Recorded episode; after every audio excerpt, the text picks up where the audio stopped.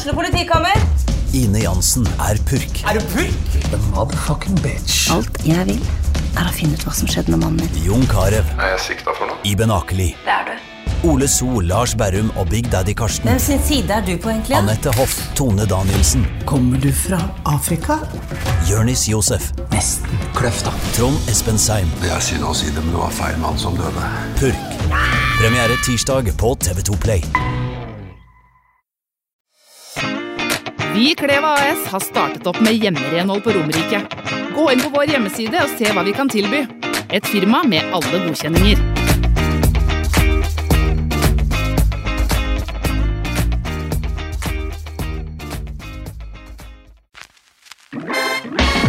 Specsavers Lillestrøm finner du i Storgata 12. LSK sjekker syn hos oss, så kom innom du òg, da vel. Romerike Sparebank. For deg og lokalmiljøet.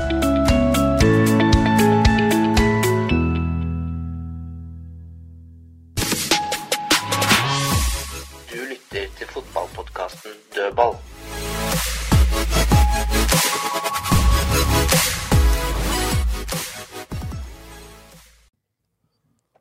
Da er det heldigvis mandag igjen. Ny uke, nye muligheter. Og det er eh, litt endringer i vårt eh, mannskap. Vi har med oss Karina Oppsand i dag. Velkommen. Takk. Så har vi Jeg holdt på å si de to, to gamle Gretne Gruber. Ja, men det er bare én, er det ikke det? Fredrik Larsen er her, og Tom Nordli er her. Litt, det er litt sånn uh, amper på morgenen her. Det er ikke verst vet du, når du sier at endelig er det mandag. Det er du og Petter Stordalen, da. Ja. Ja, men Nei, jeg skulle lade bilen i natt, og den lada på halvveis, og så hjemme, og så løste det rødt når jeg kom i morges, så jeg skal rett til Skien etterpå, så da så fikk jeg smelte inn lader bort på torvet her, men eh, nå har den gått til fem kilometer siden jeg kom, så jeg tror ikke det er noe hurtiglader, for å si det sånn. Jeg, jeg møtte en på vei inn, eh, inn eh, til opptaket her i stad, som er LSK-supporter. Han hadde knapt nok sovet i natt og ligget og grubla, så jeg trodde kanskje du hadde ligget og irritert over LSKs prestasjon. Ja. Jeg, altså, jeg kan irritere meg over det i nuet, men selv når jeg trente på det Lillestrøm og andre, så har jeg aldri hatt problemer med å sove. Men jeg var sånn at jeg måtte se kampen ofte om igjen med en gang jeg kom hjem, eh, for- å få det ut av systemet. Du har det der med feedback òg, da. At mange trenere vil jo se og analysere masse på video først. Men alt jeg har lært i pedagogikken, er alt du kan gi er umiddelbar feedback jo nærmere situasjonen du kommer, hendelsen, jo mer virkningsfullt er det. Så jeg håper jo i dagens teknologiske verden at folk, fortsatt folk evner å se ting og kunne gi en tilbakemelding, i hvert fall sånn grovt rett etterpå. Men samtidig så er det jo trenere er jo faktisk de som har blant de dårligste setene eller posisjonen på en stadion, da, for å se i hvert fall ovenfra. Men når du har sittet der et par tusen ganger, da, så lærer jo deg til å se det i den mangel på høyde og overblikk som du har. Så du får jo et Tross alt du står og coacher hver dag, så får du jo trent øye på, på de tinga, da. Og så ofte så er det mange som har spurt meg Ja, men du ser jo ikke på ballen. Men ofte når du ser det taktiske, da, så ser du jo kanskje et helt ledd eller en hel banehalvdel. Og så ser du ofte der hvor ballen ikke er, da, for å se de andre bevegelsene. Både hvordan de forholder seg til hverandre i soneforsvar, eller hvordan bevegelsen er en møter en stikker. Så det er sjelden du ser på ballføreren. Det er jo der vanlige tilskuere og Når jeg går på kamp for å underholde, så da ser du jo det som er morsomt, det, det som skjer med han som har ballen. Så du ser faktisk fotball på to, to forskjellige måter. Men jeg kjenner jo noen trenere som ikke kan uttale seg om kampen, for de må hjem og se det på det vi kalte det gamle der for video først. og da tror jeg vi blir litt sånn som dommere er nå med VAR, at uh, de trenger ikke å gjøre så mye, for de venter på VAR. Så jeg oppfordrer vel til å ha det trente øyet fortsatt, og så bruke det digitale som hjelpemiddel, og ikke som det hovedpoenget. I hvert fall nå når VAR ser ut til å gjøre mindre, eller gå inn færre. det, det er vel noen etter helga som har lurt på om det er nedlagt, uten at vi har fått høre om det. Ja, det er jo mye mindre enn før. Vi kommer sikkert tilbake til det. Men ja, det er bra at det er mindre avgjørelser som må opp til VAR, da. Men hvis kritikken har vært så hard at man ikke går inn når man skal gå inn heller, så hva er da poenget? Og så var det jo denne kampen. Da, da Eirik Bakke som trener hadde jo en klar utfordring i forkant. Det var jo og det, det kan jeg for så vidt bekrefte, at det var jo touch and go om uh, Thomas Lene Olsen kunne spille eller ikke. For han, uh, han løp vesentlig raskere på treninga når han trente for seg sjøl på lørdagen, enn det jeg trodde han skulle gjøre på, når jeg så han gikk av banen på torsdag. Men uh, det blei vel ikke tatt noen sjanse, da. Men jeg tenkte litt på det du sa, Morten, i går.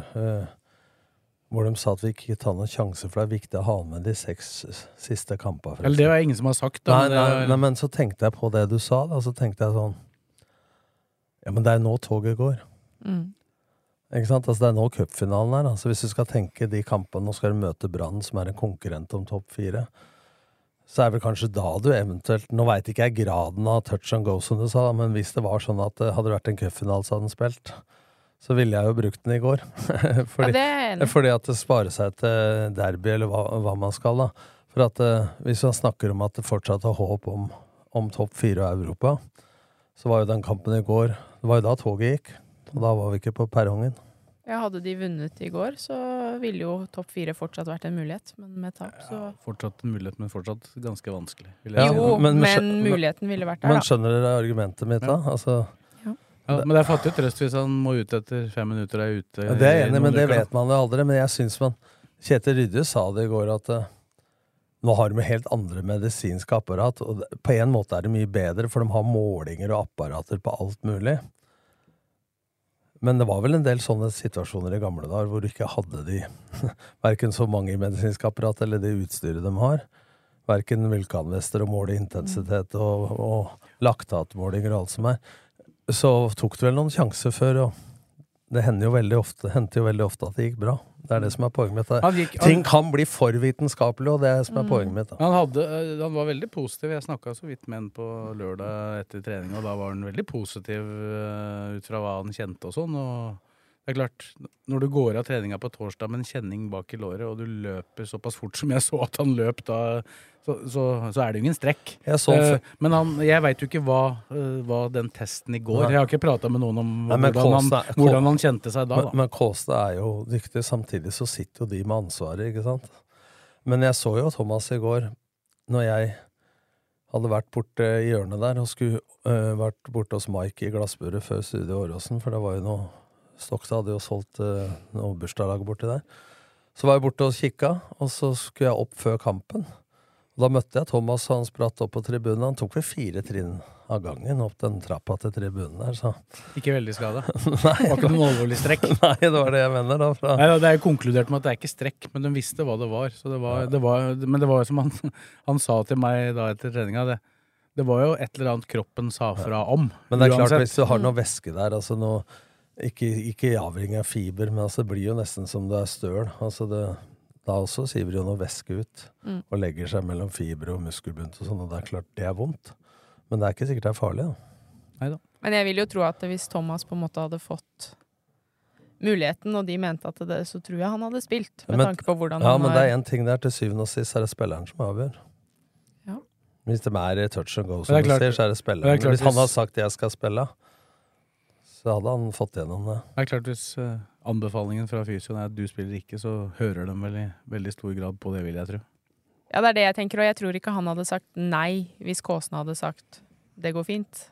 Så tror jeg kanskje ja. Eller omvendt. Men det, det går i hvert fall det, går, i- det går i hvert fall Eirik Bakke eh, Det var ikke noe han begynte å tenke på da han fikk det svaret på formiddagen. Det var jo noe han hadde gått og grubla på i flere dager, antageligvis. Hvordan han skulle løse det, i og med at det skjedde på torsdag. Og han hadde jo reelt sett, sånn jeg forsto han, da, så så han på tre alternativer. Det ene var jo det han valgte, med Eskil Ed oppe og Cozy Thomsen inn som wingback. Det andre var eh, Cozy Thomsen som rett inn egentlig for Thomas Lene Olsen, da, men mer i en slags tierrolle. For det er jo også en rolle han har vært så vidt innom før, så vidt jeg har skjønt. Og så var det jo KC Thomsen inn i midtbaneposisjonen til Ilden Ibrahimai, og Ibrahimai opp. Og med fasit i hånd, da, jeg kan ta litt vurderinger rundt det, så, så kunne du faktisk ha kjørt Ibrahimai opp og Lundemo inn, da. For jeg syns i går så har Lundemo et meget eh, bra innopp. Mm. I et lag som ikke fungerer, så gjør han få feil. Fornuftig posisjonering osv. Så, videre. Så det er klart, hvis du skal begrunne hvorfor han velger, velger Eskeled, så er det for å få to fotrappe spillere på topp. Både Ja, for det glemte jeg å si. Han sa Ja. fart var viktig, Ja. da, på topp. Mm. Ja, for at uh, fotrappe spillere for én, for det defensive skyld, for å få opprettholdt det presset som Thomas er best på. Og da, han var jo mye bedre enn Akoro akkurat i det. Det- Så Skogvold og Thomas har vært gode i det. Og det funka, vi viste på Studio Øråsen i går, det funka første kvarteret, akkurat det defensive, høye presset. Det som mangla da, var at Cozy Thompson ikke var kjapp nok oppi som høyrebekk oppi dems bekk, da. For den ville holde altså for, Hvis dere har bildet foran dere, så er det noen som kjører indreløperen ut i motstanderens bekk. Når de to spissa tar to stoppere. Men da blir det undertall inne, så jeg så at Lillestrøm beholdt tre mot tre inne. Og så dytta de Cozy Thompson som bekk opp i motstanderens bekk. Når spissa tok ut de stoppera. Så da har du fått mann-mann på ene. Det har vel LSK egentlig ganske ofte gjort, har Ja. de ikke det? Jo. Eh, men hvis du deler banen i to på langs, da, så har du på en måte Da har du to spisser mot to stoppere, så har du bekk mot bekk, og så har du tre mot tre på midten. Og så har du jo da stoppere og bekk på samme sida mot dem sving og, og ene Bård Finne som spiss. Da har du egentlig spillet mann-mann på halve banen, og så deler den i to på langs. Jeg skjønner det argumentet, men samtidig så ser du at han er ikke vant til å spille der, så når vi Skogvold møter, så stikker ikke Eskil er offensiv, så det er ikke, og så lå de for langt fra hverandre. så når Det gjorde til og med Skogvold. Når Eskil vant en del i lufta og stussa, så var Skogvold for langt unna.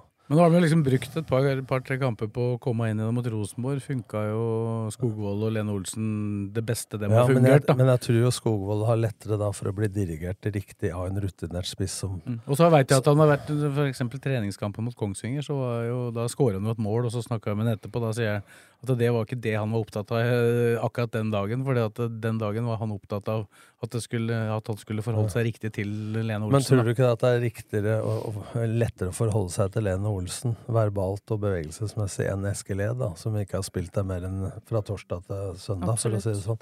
Nei, og de, de har jo, det skal også sies, de har jo ikke engang De hadde jo ikke noe formasjonstrening Nei. med den Nei, konstellasjonen så, så jeg syns jo det På en måte så er han vågal og tørr ting. Det viser han med å bytte to tidlig.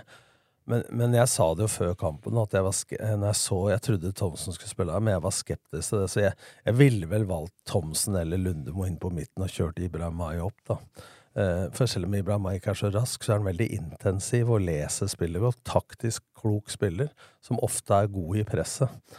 Så jeg, jeg ville ha valgt det, da. Altså, og så er det spørsmål på hjemmebane. Brann er gode, men eh, skal du tenke bare hvordan presset skal funke, eller skal du tenke offensivt også? Og så kan du si, som vi tok i Studio Åråsen Man kunne ha valgt å Hvis man er opptatt av å ha tre mot tre sentral på midten For de gangene Lillestrøm har spilt mot tre sentrale midtbanespillere i 3-4-3, så har de vært to mot tre på midten og blitt overspilt. Så hvis argumentet er 'jeg vil ha tre sentrale midtbanespillere', da står du egentlig igjen med å spille 4-3-3, da. Mm. Eller så må du spille 3-5-2, eller en 3-5-1-1, som de gjorde mot Bodø-Glimt hjemme. Var det i cupen? Ja, semifinalen i cupen. Hvor de spilte at ene spissen tok ut Patrick Berg. Så kunne gjort, de kunne gjort det med, med heltene Nilsen, og så hadde de vært eh, to mot to allikevel. Hvis du hadde spilt 3-4-3, da, eller 3-4-1-1, Mm. så kunne du ha spilt med to sentrale som tok ut dems to indreløpere. Så kunne den ene spissen ha dette ned på heltene Nilsen, så hadde det vært tre mot tre inne. Men da kan du ikke presse høyt. For da blir jo de fire mot én bak der. Ikke sant? Så, men så syns jeg han Folk sier at det er kynisk og sånn. Det er toppidrett, det her. Og det sa Erik Thorstvedt i går på oppsummeringa. Jeg kom hjem, og jeg er helt enig med henne at det må bli slutt på det der. Det, er kynisk, og det er, det, er altfor brutalt å ta ut spillere i første omgang. Det der må vi vekk ifra. Så det er lov å bytte fem. Altså, hvis, det, hvis kampbildet krever etter 32 minutter at her er vi helt ute å kjøre, to av spillerne har gule kort, han er redd for rødt kort, så, så syns jeg det er blomster til Erik Bakke at han da agerer og gjør noe. Han tar av to Begge, begge, begge hadde gult, faktisk. ja, ja, det var det jeg sa, begge. ja, ja. Men, eh, men jeg trodde han tok av Roger pga. den lårhøna han fikk på innsida, men etter jeg leser etterpå, så virker det som det er fordi at de ikke funka. Ja, det var jo, for å si sånn, og der, det, der dem angrep, det var jo Mathisen Ja. som kom på den sida, så var det sikkert ikke Rogers sin feil uh, hele veien. Jeg, jeg syns jo faktisk han gjorde det, og hadde et par veldig gode involveringer òg, hvor han brøyt foran og sånn, men så, så sleit han jo, jo med Mathisens tempo der. Ja, men samtidig så kunne jo lest det på forhånd, da. Så spørs det hvordan med Roseth, da. Ikke sant? Om du skulle hatt han spille der til han ikke orka mer, og så satt inn en Rogers når, andre, når eh, Mathisen begynner å bli litt mør. For den farten til Roseth og venstrebeinet kunne du trengt absolutt på den sida hvor Mathisen var, da. Eh, så sånn sett, så jeg syns det er bra at han agerer, men jeg er uenig i lagoppstillinga. Og at Sam Rogers får problemer med Mathisen, det tror jeg de fleste uh, tenkte på. Vi sa jo til og med på presserommet der at jeg tror, i dag kan typisk Mathisen skårer, men eh, han får jo i hvert fall eh, på gule kort og en straffespark antageligvis, så det var, følte oss litt Lilly Bendriss der, for vi har jo kjent den en stund. da. Ja. Ja, jeg, jeg diskuterte faktisk dette med Erik Bakke litt i forrige uke. Akkurat det der med For jeg på LSKs vegne da bekymra fordi at dem er så ekstremt gode til det der småspillet inne i boksen. da. Og, og, og at, men jeg skjønner jo at det er vanskelig etter 3-0 mot Rosenborg, og de har gjort den, selv om Rogers etter min mening da var LSKs Dårligste dårligste, i den kampen, så, så skjønner jeg jo at det er vanskelig å, å bytte på et lag Ja, etter en men sånn det match. Never change a winning team. Altså Vi må bort fra det òg, mener jeg. For at det, i dag er det så mye analyseverktøy og alt, og det er spill mot spill, og du møter et annet lag med andre spillere i den rollen. Ikke sant? Altså Han sleit jo, Rogers, også mot han Fredrik, Fredriksen, han dansken. Han eh, burde jo hatt et gult kort etter et minutt mot Rosenborg, hvor han reiv ned han der.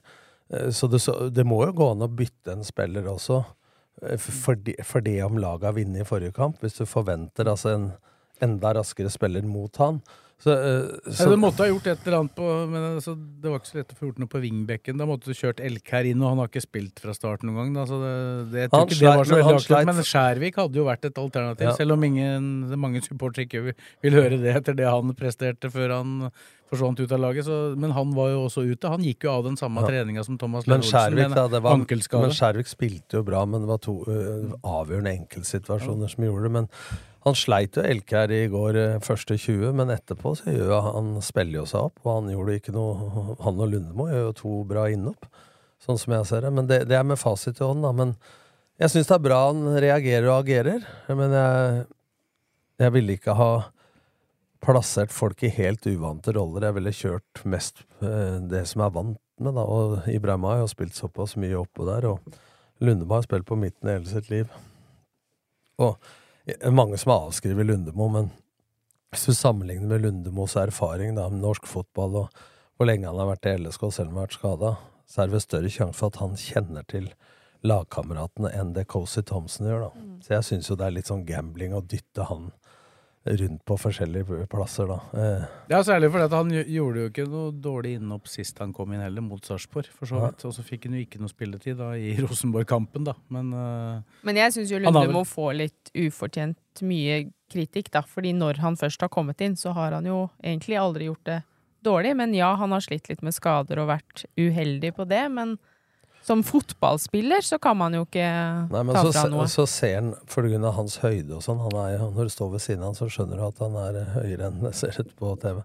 Eh, Så ser det jo ut som han er treigere enn han er, men han har eh, god evne til å lese spillet. Og i går vinner han mye dueller, Mm. mye andre baller. Skjermer ballen, slår mye Altså lite feilpasninger. Så ja, litt, litt sånn som uh, Vebjørn Hoff eh, har vært på sitt beste, da. Men Ja. det var jo, han var jo ikke der i går, da. Pluss at han gjorde en, uh, gjorde en Men pasningsfeil. eh, nå, akkurat i går så syns jeg dem er for Brann med Felix Horn Myhre og Kartum. Det er en helt annen klasse fotballspillere enn Lundemo, Hoff og dette på midten. De er mye bedre fotballspillere, og det ser du på tabellen. De er 15-20 poeng bedre enn Lillestrøm. Det kommer du til å se på slutten. Men jeg, det er, At altså- Lundemo ikke kom og skryte av han, jeg. Syns han var helt average. Ja, var, men- var ingenting. men jeg Jeg vil ikke si de er vesentlig bedre fotballspillere, men de er kvikkere. ja, kvikkere og så bedre fotballspillere. Unge. Felix Horn Myhre var klart på hans beste i går, sammen med Mathisen. men, men det, å eh, Blakkaren, det å si at Kartum er en mye bedre fotballspiller enn Vebjørn Hoff, som har drevet oppe i Kristiansund der Det er klart han har et talent og er kvikk, men det å plutselig avskrive Vebjørn Hoff som en dårlig Nei, men jeg synes- fotballspiller Ja, det- blir bare dumt. Altså. For det første så er han ene en sentral midtbanespiller, han andre er en indreløper. Det er to forskjellige roller. Det blir bare dumt, eh, spør du meg. Altså. For at eh, Nei, jeg er ikke enig. Jeg er ikke enig. Jeg mener Felix Horn Myhre, Kartum, Helte Nilsen liker jeg ikke. Han har, han har helt annen klasse der ute på han i går òg. At det er overkjøring. Det er helt overkjøring. Men, er det, Ja, ja, det er men da spør jeg, er det av enkeltspillere, eller er det av følgende? Hoff hadde aldri spilt for Brann. Nei, glem det. Men, men hør, da. Er det laget Brann som er enda bedre enn enkeltspillere? Svaret mitt er ja. Ja. De vant mye i Obos. De er nesten, Det kan sammenligne med det startlaget jeg hadde i back in the days.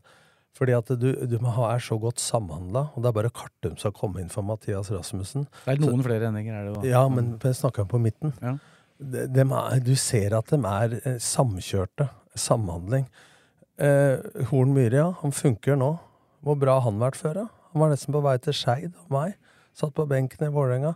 Så det er ikke sant, så at det, er Det det, de handler om hva de har ja, Han er, seg. han er klok, men er det de individuelle kvalitetene? At det er sånn wow, er han en god Ja, ja, ja, mye bedre individuelt. Altså, Horn Myhre var på benken for Brann i Obos i fjor. Altså. Det, altså, ting kan skje, Ja, da. men det ting er- kan disse utvikle seg. spillere er bedre enn midtbanespillere til men- Lillestrøm. Det du har, Det det- det det- du har tendens til, Blakkaren, det er å så konkludere bare I går så sa du Nei, jeg har Tom- et øye for fotball, Hør og akkurat ja, det der det har ikke vi andre. Jo, jo, men det ser når, jeg. ja, når Horn Myhre ikke, ikke fikk spille for Vålerenga, ikke fikk spille for Brann, mente du at det var en Nei, men det er jo, det, kjempefeil? de har jo bomma.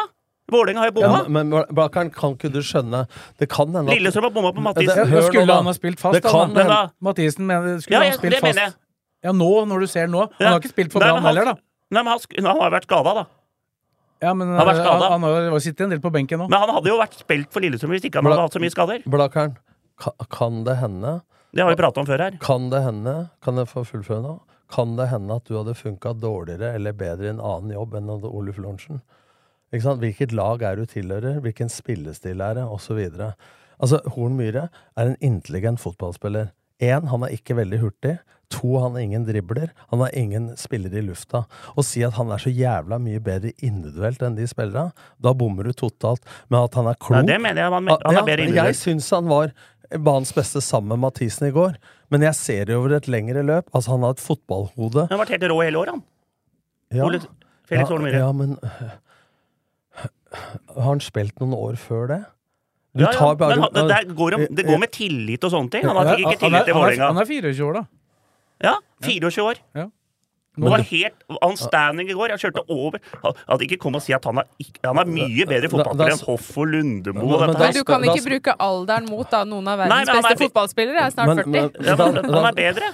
Det må jeg få lov å si. Ja, men altså, kan de få lov å slippe til?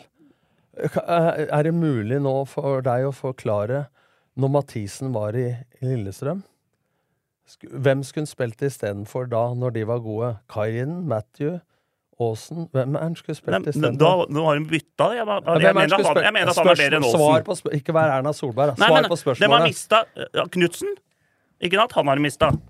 Mista Dragsnes har de mista. Ja, men Du sa jo at han skulle spilt i Lillestrøm. Du sa at det var en Ja, jeg, jeg, jeg mener at det er en tabbe av dem å selge han. For tre millioner til Brann.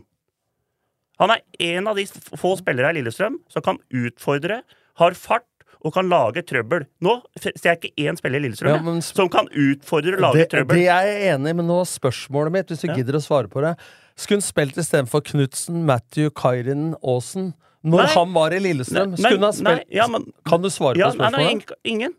Nei vel, Nei. da vi enige. Nei, og Men han var derfor ble han skada. solgt. Kom seg aldri inn. Men nå hadde han jo spilt. Men i går var han klasser Så bedre. derfor mener jeg at det, var, så- jeg mener at det er feil å selge han. Ja, når, når en, ikke vil, en ikke vil signere en ny kontrakt.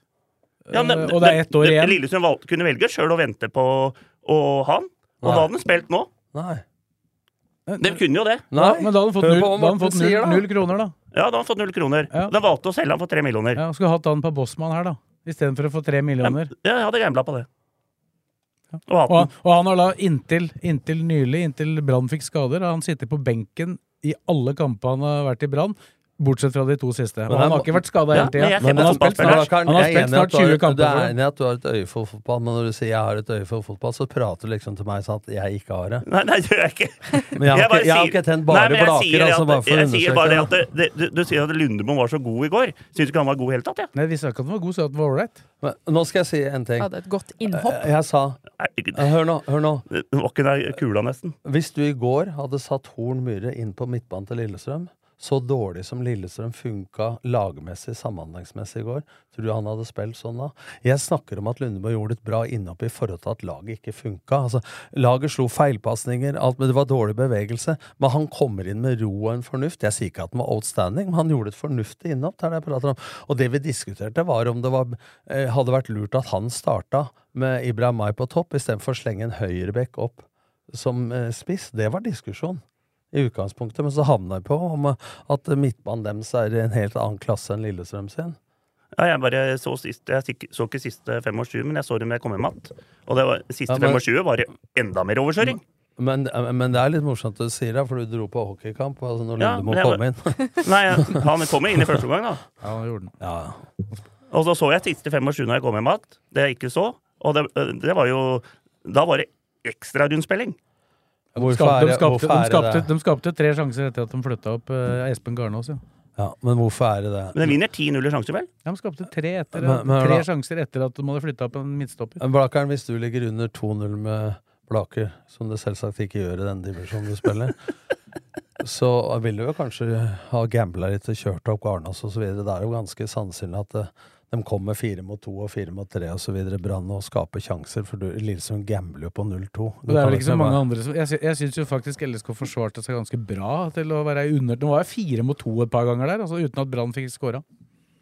Men, det er men det jeg har sagt, da, så er en prestasjon eh, Altså, Brann er et mye bedre lag enn Rosenborg. Og vi sa i forrige podd at de må opp noen hakk Ja, for å matche Brann. Det sa de sjøl òg. Ja, men Brann, Lillestrøm Det er mer i går at Lillestrøm er svake enn at Brann er så jævlig gode. Mm. I går. Ja, men jeg syns Brann var gode i går. Jeg synes det var Ja, jævla men det jeg, jeg mener- Og da blir jo forskjellen ek ekstra Ja, men jeg stor, mener da. men det er spill og motspill. Jeg mener at Lillestrøm er med på å gjøre Brann enda bedre. da, når etter ti minutter så funker, fungerer ikke presset. Du ser at de ikke er samhandla. Altså hvis, du ta- hvis du skal unnskylde litt, da. Når du mister Dragsnes, som spiller hvert minutt, uh, Knutsen går, Akor går, Lene spiller ikke, osv. Og Ranger ute. Det er klart at det, da vil det variere. Og Roseth, ikke minst. Men Ja. han har jo vært ute hele året. Og da vil det variere. Men altså, den prestasjonen i går er langt under uansett motstander. Det jeg så mot Strømskog og det jeg så mot eh, Rosenborg. Og da, da tenker jeg ikke nødvendigvis bare på motstanderen, men da ser du på bevegelsene, intensiteten og det de gjør sjøl. Uavhengig av motstanderen. Og det laget er ikke mer samhandla nå enn at du er avhengig av spillere som er kjente i rollene og kjente med hverandre. Derfor jeg mener at det hadde vært bedre å spille med Lundemo enn med Cozy Thompson. Men altså, uansett hvem som hadde spilt, da, hvor stort mener du at savnet av Thomas Lene Olsen for Altså, Hvor mye betyr han for også for resten av laget, da? En- Det er nå har vel jeg fått enormt. to streker under det svaret som jeg har tatt opp her i poden. At i motsetning til alle andre, da, som har ikke, hylt ikke, ikke til å si alle, da. Nei, nei, men Mange- til mange. mange, eh, som har hyla om Skogvold, så har jeg vel sagt i to-tre episoder i poden her at jeg mener at du fint kunne ha satsa på Skogvold. Så kan folk si det som ble sagt i går, at eh, jeg hadde ikke satsa på den, så hadde han gått og blitt lånt ut og så videre, og ikke skrevet ny kontrakt. Men det kommer an på hvordan du selger inn. Jeg tror at hvis han hadde blitt lovt å satsa på, og starta noen kamper, komme inn en omgang, komme inn i 30 minutter Nå jeg, har sagt det mentale før, at i det øyeblikket han blir satsa på, og forventningene er så store, og Åråsen tok av når han skårte på en straffa Han skal skyte en ball fra 11 meter, og du tror faen meg han hadde tatt trippel salto og skyte inn i krøsset. Så mener jeg at eh, han får ny kontrakt, og så veit han at han skal starte. Såpass mye har jeg jobba med huet til folk at hvis ikke han føler et press på at den skal levere når den skal starte hver gang, så tror jeg du undervurderer psyken til folk. Og det er, hun er 18 år.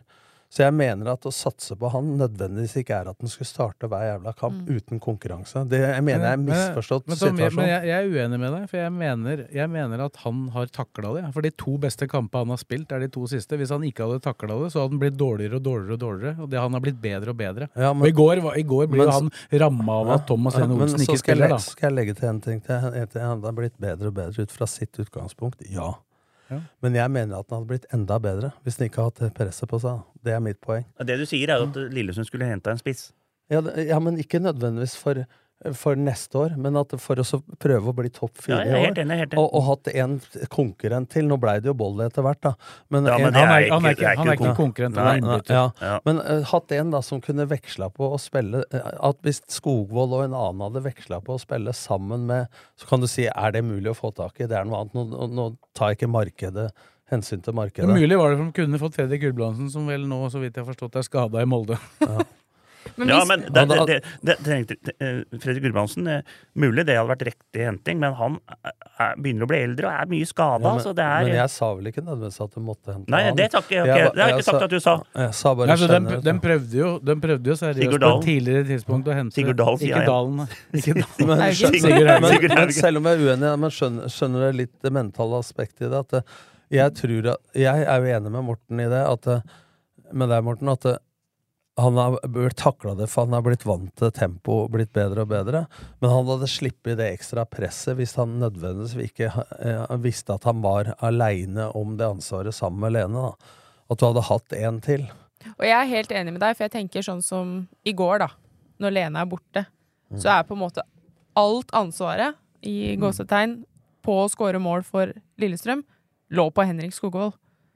Og det mener jeg Eller, det eller en dødball, da. Jo da, men jeg mener at det hva hadde de da Koro og Thomas var her? De hadde jo Fride Jonsson òg. Ja, men det er en sånn type de Ja, burde ha henta. ja, men hvem skulle de slå innlegg på i går? Jeg bare spør, jeg. Nei, Nå- og nå- nå- likevel så slo de høyt Ja, men på Skogvold og poenget mitt da, når eh, noe av et, eh, taktikkene Lillestrøm er å det komme i overtall på kant og komme til innlegg med gode venstreføtter osv.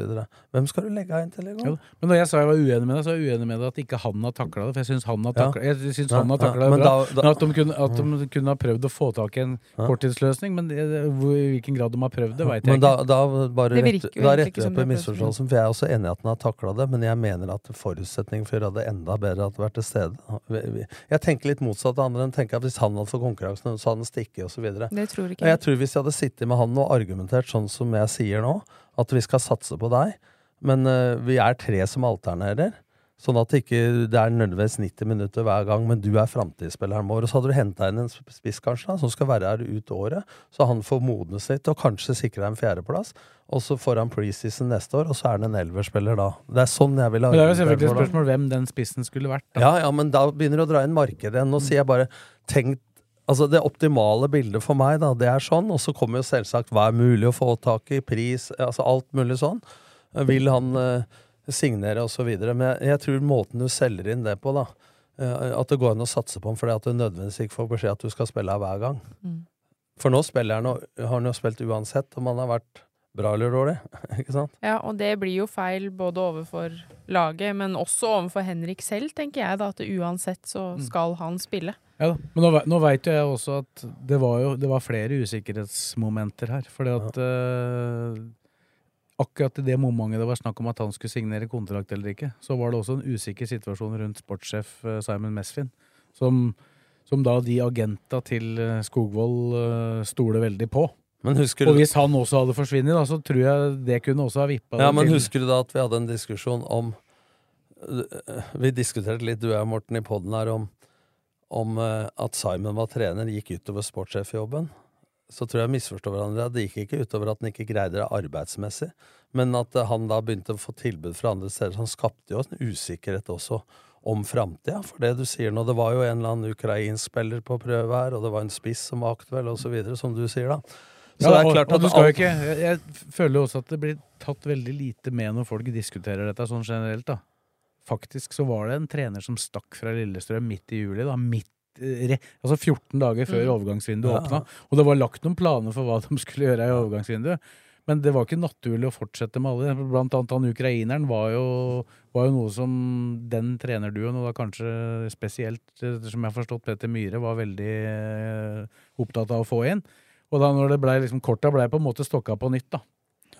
Ja, det har vært utfordrende situasjon, men uh, Var det spiss, han ukrainer? Nei, han var midtbane. midtbanespiller. Men, men uh, fasithånd, altså mener jeg at det optimale for Lillestrøm, både med framtida til Skogvold og med å prøve å få blitt topp fire, var å hatt inn én spiss til, da. Uh, gitt at det var mulig å få til i markedet. Så tenker jeg klubben kunne også kanskje tjent på å gå ut og si nå har vi tatt disse valgene sånn og sånn, grunnet det som skjedde i sommer med trener som stakk, alt det der. Nå blir denne sesongen sånn som han blir. Fordi at det er klart at eh, du har jo supportere, du har folk rundt som forventer at Ja det skal være resultater. Men de gikk jo, egen, Men de da- gikk jo, egentlig, ut, de gikk jo egentlig ut med det, men det har, det har da i hvert fall av veldig mange blitt tolka som at eh, her skal Henrik Skogvold ikke ha konkurranse. Og det har, Eirik Bakke har jo vært tydelig på det. Jeg hadde prata med ham senest i uka. Hadde, hadde, han vært, hadde han vært elendig, ikke, så hadde jeg ikke brukt den. Han, men, han mener jo at han har Men, men hva skulle hun brukt isteden i går? Nei, han, han, Det hadde vært fullt mulig å spille det så lenge Thomas Lene Olsen var, Ja, hadde vært tilgjengelig å spille 3-4-3. Ja, men han var jo ikke det i går. Men poenget, da, til det du sier Legg til én ting til det, Karina. Hvis du hadde gått ut og sagt for mye om det, hadde det vært 9003 der da? Hadde sponsor Nei, det- Ikke sant? Altså, det er et totalbilde her.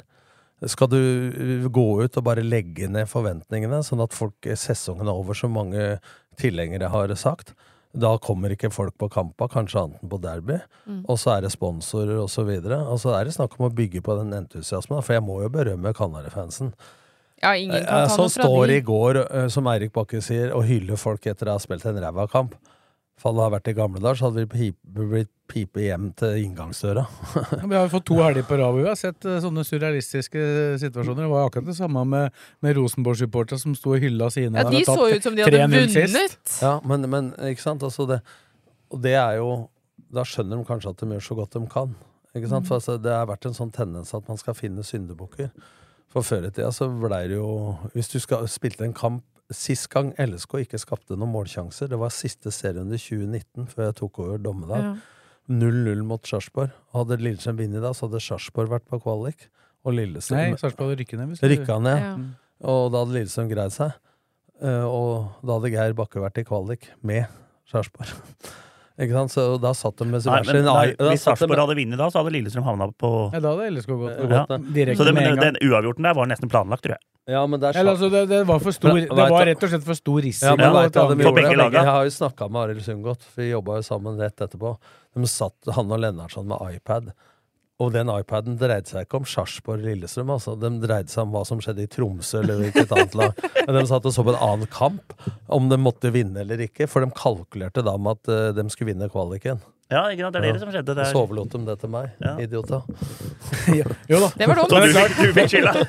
Jo, men samtidig, klart hadde de, hadde de angrepet, så hadde de rykka rett ned sam, den Ja. dagen. Så, Ja, men så jeg, altså- skjønner, jeg skjønner jo at det var to lag som var forsiktige der. Ja, men For det- konsekvensen av å slippe inn et mål var mye Ja, verre. men det går Men det var bra odds. Det var tre odds. Men det går, det går an å spille en fotballkamp og prøve å lage mål uten at det nødvendigvis tar så inn i helvete mye risiko. Ja, det ble 0-1 i målsjanser. Jeg tror vi til slutt telte en at Sarpsborg fikk godskrive én sjanse der. Ja, Det en var så vidt, tror Det var en kontring der. Det var jo som å se maling tørke. Men, eh, men jeg bare lyst til å ta en ting angående måla. Bare Du kan ta den straffesituasjonen, kan du sikkert ta etterpå her nå. Ja, vi tar den Men jeg, bare, jeg tenker på det målet til eh, Jeg så litt på Studio Åråsen i går òg. At jeg er helt enig med Nordli der. At jeg mener nesten det er en keepertabb. Fordi at eh, Lunan han tar jo venstre hjørne for eh, Hennestad, så ikke han Mathisen kan skyte der. Ja, til slutt gjør han jo det. Ja, og- men Mathisen er- jo smart der. da mener jeg det. Den skal keeperen ta. Men det sa jo Mats mer eller mindre selv også Ja, til så meg. jeg, at folk sier at det er en bra avslutning, det er greit, men det er en keepertabbe. Det- Jeg mener at Det keeperen er skal ta det det. er, det er mulig å redde, vil jeg si. Det er ikke en keepertabbe, men Åh. eh, Men han det- sa jo selv at han gikk for tidlig. men hvis du ser, da, så står Det er faktisk bare halvannen meter altså mellom Mats og stanga. Og den ballen går ikke helt i hjørnet. Nei. Hadde han hatt eh, på tærne og ikke tyngden på sitt venstrebein, som vi tok i Studio Åråsen, så redder han den. For meg, det er mange som klager på Lunan der. Det har jeg hørt eh, etter kampen og sånn. Men at han gjør egentlig det rette der. Men han kan gå i takling òg, Ja. og, og, og, men å ruse. Og da kan han fort lage straffe, eller at Mathisen er forbi, for han er kjapp og lett- detter fort. Men jeg mener at den skal keeperen ta. Men det sa Mats selv, Men det han der- der- der- Ja. men der- Der tror jeg de blir litt lurt av at de kjenner Ulrik Mathisen, for de er helt sikre på at han skal legge, få den på høyrebeinet. Men jeg skjønner Gabrielsen Jeg skjønner Gabrielsen på det, for at eh, han har ballen på høyrebeinet, og da er han prøver å dekke så han ikke skal ha kølene rundt den. Ja, sånn, Eh, ikke sant? I, I venstre hjørne Ja. for Mats. Men så switcher han over, og da gjør Lunan det rette. Det eneste du kan kritisere for, er at han er litt langt unna. Han kunne vært nærmere spilleren, men i vinkel så får ikke han skyte i lengste hjørne. Og jeg mener da Mats gjør en kjempekamp. Akkurat den situasjonen, så er det Hadde han stått på riktig fot, så tror jeg han hadde Ja, og derfor mener jeg at han, han når, Hvis han ser på Lunan, så skal han stå på riktig fot. Ja. For han skal, da må han skjønne Det er det en, det, det er en taktisk feilvurdering av Og det var jo, for det var jo en kamp hvor han egentlig sto helt riktig på alle andre avslutninger. eh, Ja, det, det er jo fantastisk. Er jo- er Soltvedt er en av beste venstrebeina i Det er, ligaen. jo, det er jo straffespark han slipper inn ellers. Han har jo ni redninger i Ja. Og så gjør han det som er jævla bra uh, på redningen, som jeg syns er fryktelig bra, egentlig. Det er den derre Han tar, går riktig på første som over muren, som er egentlig bra frispark, som han bokser ut. I første omgang, ja. Og så tar han faen meg Den nede i keeperhjørnet. Ja, ta keeperhjørnet. Og der, og der sa jeg Og der så han ikke utgangen heller. Nei, så den er helt sjuk redning, egentlig. Jeg sa nå skyter han i lengste, og det gjorde han. Men da sto han faen meg der òg. Ja, jeg sa vel også det, Tom, for at når det er så nærme 16-meteren, så er det ikke så lett å få køla han over muren og, og ned under. Men har dette litt med eh, Biffen, Fredrik Westgård sin eh, approach som keepertrener å gjøre? For at det er klart Mats har vært en keeper som har egentlig tatt lite av det han eh, ikke skal ta, men han har ikke gjort noen tabber. Og så har de jo jobba med at han skal være mer offensiv i feltet og alt mulig sånn, så i år syns jeg han gjør mer feberredninger som de ikke forventer at han skal ta. Men så har han også gjort litt flere småtabber, da. Altså sånn som vi diskuterer nå. Eller, altså mål, som du sier, at Ja. den kunden har tatt, liksom. Ja, ja. Så jeg syns det er større variabel, variabelt mellom hans bånd og toppnivå. Toppnivået er høyere enn før, syns jeg, men jeg syns uh, båndnivået er lavere. Så det er, det er mer svingninger i det. da. Og det, jeg veit ikke om det har noe med kommunikasjon med Forsvaret å gjøre. For det er jo bytta ut en del folk der siden i fjor òg. Petterson, Ogbu osv. I forhold til Han har jo andre typer foran seg. Ja, ikke minst så blei det jo blokkert i større grad fra hele laget, egentlig. Avslutninger, da. Eh, Det snakka vi om etter Sarpsborg-kampen. Og Ja. var jo det veldig bra mot Rosenborg, da. Men, eh, Men da, Men det- ja, ja, da men- fikk de tilbake litt den gutsen at det betyr noe som Han sa det i går, Kjetil Knutsen. Han berømma eh, faktisk i intervju på TV berømma Tromsøs attitude i forhold til også high five og juble når de redda mål òg. Altså Mm. blokkerte skudd og sånn, ikke bare skåret. Men Og den hadde Lillestrøm mot Rosenborg. Men nå lagde jo jeg en sak uh, før, uh, før helga her. Eh, delte tabellen da jeg tok med Sarpsborg og de, de seks, hvor Lillestrøm er en del av topp sju, og de ni i bånn. Altså LSK er blant de aller beste laga. Mot de dårlige. Av topplaga, da. Hvis du tar topp sju. Når du spiller mot uh, båndlaga, så er de helt der oppe, sammen med de andre, andre laga. Det er vel uh, Brann som har vært aller best der òg. Og Brann øh, Men Lillestrøm er desidert som har tatt fire poeng på ti kamper mot de sju øverste, sju øverste laga, da, minus seg sjøl. Mm. Hva er det I fjor, I fjor tok det, var det med noenlunde likt eh, at de vant jo mot eh, ett lag og tapte for ett lag, liksom, i, og var ganske likt på den statistikken, da. Med én seier og et tap, liksom, eller to uavgjorte. Det blir liksom motsatt. da, Jeg husker når jeg hadde Odd og rykka opp fra Obos, da, som Lillestrøm gjorde, så var vi gode i etablert angrep. Eh, for du møtte dårligere lag i Obos, og så rykka det opp. Så var det egentlig best på dødball og kontringer, som Lillestrøm var da, når de rykka opp. Og så Da skulle det jo tilsi egentlig at de skulle greie seg bedre mot de beste, da. Men når spillestilen under Petter og Geir, i hvert fall etter hvert, blei mye mer possession-orientert eh, enn sånn jeg kjenner Geir Bakke, altså med Petter og han etter hvert. Eh, men det har jo litt med at Lillestrøm leda serien i fjor, på sommeren. Til å begynne med så skårte Lillestrøm ofte først på dødball, og så måtte laga jage, og så var kampa åpne. Lillestrøm ble ikke tatt på alvor, som uh, verken første året etter opprykket eller første vårsesongen året etterpå, eller vårsesongen året etterpå. Og så begynner laga plutselig å legge seg 5-4-1 og 5-3-2, og Lillestrøm må da utvikle spillet sitt mot etablert forsvar. Og det vært, er det vanskeligste i fotball. Det er nummer én. Nummer to. Det har vært såpass mye utskiftinger i laget, da. At det har vært eh, dårligere tid til å samhandle laget i forhold til det Bodø-Glimt og Brann som har spilt stor, Selv om Bodø-Glimt bytter ut én og to spillere, så, så har de en spillerekruttering av økonomi til liksom å hente inn folk sånn, og faser fase dem inn i laget. Altså når én spiller blir solgt, så er nestemann klar, da. Hvis du tenker på Jens Petter Hauge sist, så plutselig kom det inn andre folk. Men samtidig så har de jo, til tross for utskiftninger, da, håndtert de kampene mot uh, de lagene på nedre halvdel da, Ja. bedre. Og de har, de har vunnet det like mye som topplaget har gjort, men de har svikta fullstendig i toppkampene. Ja, det er litt, litt, litt annerledes enn i fjor, men litt merkelig kanskje, eller hva tenker du? Ja, jeg sy- syns det er litt merkelig også, men så tror jeg noe av hovedforskjellen er at i fjor så hadde Lillestrøm, jeg husker ikke hvor mye pluss du sa, Morten, de hadde på dødball, for og imot. Det var ganske mye pluss. Men det var ganske mye min, altså innsleppende mål på dødball i fjor òg, men det blei liksom ikke tatt på alvor, er min påstand, da, fordi at du var så god på offensiv dødball, at da tenker du at det er ikke så farlig med det defensive. I år har det offensive dødballet vært dårligere, og da syns det mye mer de defensive, da. Sånn at eh, vi sa det jo allerede mot Viking. Hvilken sesong var det? Eh, I forfjor, når de slapp inn to-tre mål på inka, lange To, to på lange innkast. To på lange innkast. Allerede da begynte vi å snakke om at de er for mange i sone osv. Er det to episoder siden, Blakkaren, vi satt der og sa de var åtte mann i sone. Du viste Ja, det bildet mot Sarpsborg. Og dette veit jeg Geir, eh, nei, Geir Eirik Bakke har tatt tak i. Uh, men jeg mener det har gått for lang tid til å ta tak i de defensive dødballene. Nummer to, det har gått for lang tid før de har skjønt at ikke VAR tar sperretrekk og holdninger. For de begynte å legge bort en del av det, når, for de trodde de skulle Dette har Kjell Anders satt sjøl her i poden. Mm. Eh, de, tok hensyn til at det var kom, at de kunne ikke gjøre det samme. Det har vist seg at det har vært én Det er han Diop på Viking som har blitt tatt straffe eh, på eh, corner imot. Ellers så tar ikke VAR, for det er ikke clear and obvious, som det heter i reglementet. Nå har de fem i sone, så jeg går. Ja. 11 dødballer imot i fjor, 23 for. Så vant, vant eh, uh, 23-11 på dødball i fjor. Ja, 12 pluss. Mm. Men jeg syns jo etter at de ja. Ja, det blei det ble jo, det ble et, ble dødballmål i går, da. På straffe. Det teller jo som dødball, det, da. Så nå har de 12 for og 13 Nei, motsatt. 12 jo, 12 for og 13 mot. Ja, og da, og da er det tre dødballmål mot Hvis du tar bort Rosenborg, så lå det dårlig an før det, for å si det sånn. Ja, og så hadde de to hjemme mot Ålesund, så da er fem, nesten halvparten av dødballene de har scora på, er på to kamper, da. På to siste. Nei, ikke, ikke den Ålesund-kampen, men den Ålesund eh, hjemme. 5-1-kampen. Og det er etter trenerskiftet, begge to. Mm.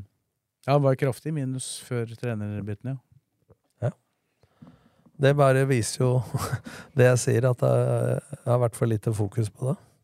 Men jeg syns etter at Eirik Bakke var ute og sa det at vi har hatt fokus på forsvar, altså mot Rosenborg og i går Selv om man taper i går, så syns jeg jo at Forsvaret er jo mer tilbake til taklinger. Espen Garnås takler jo For mye.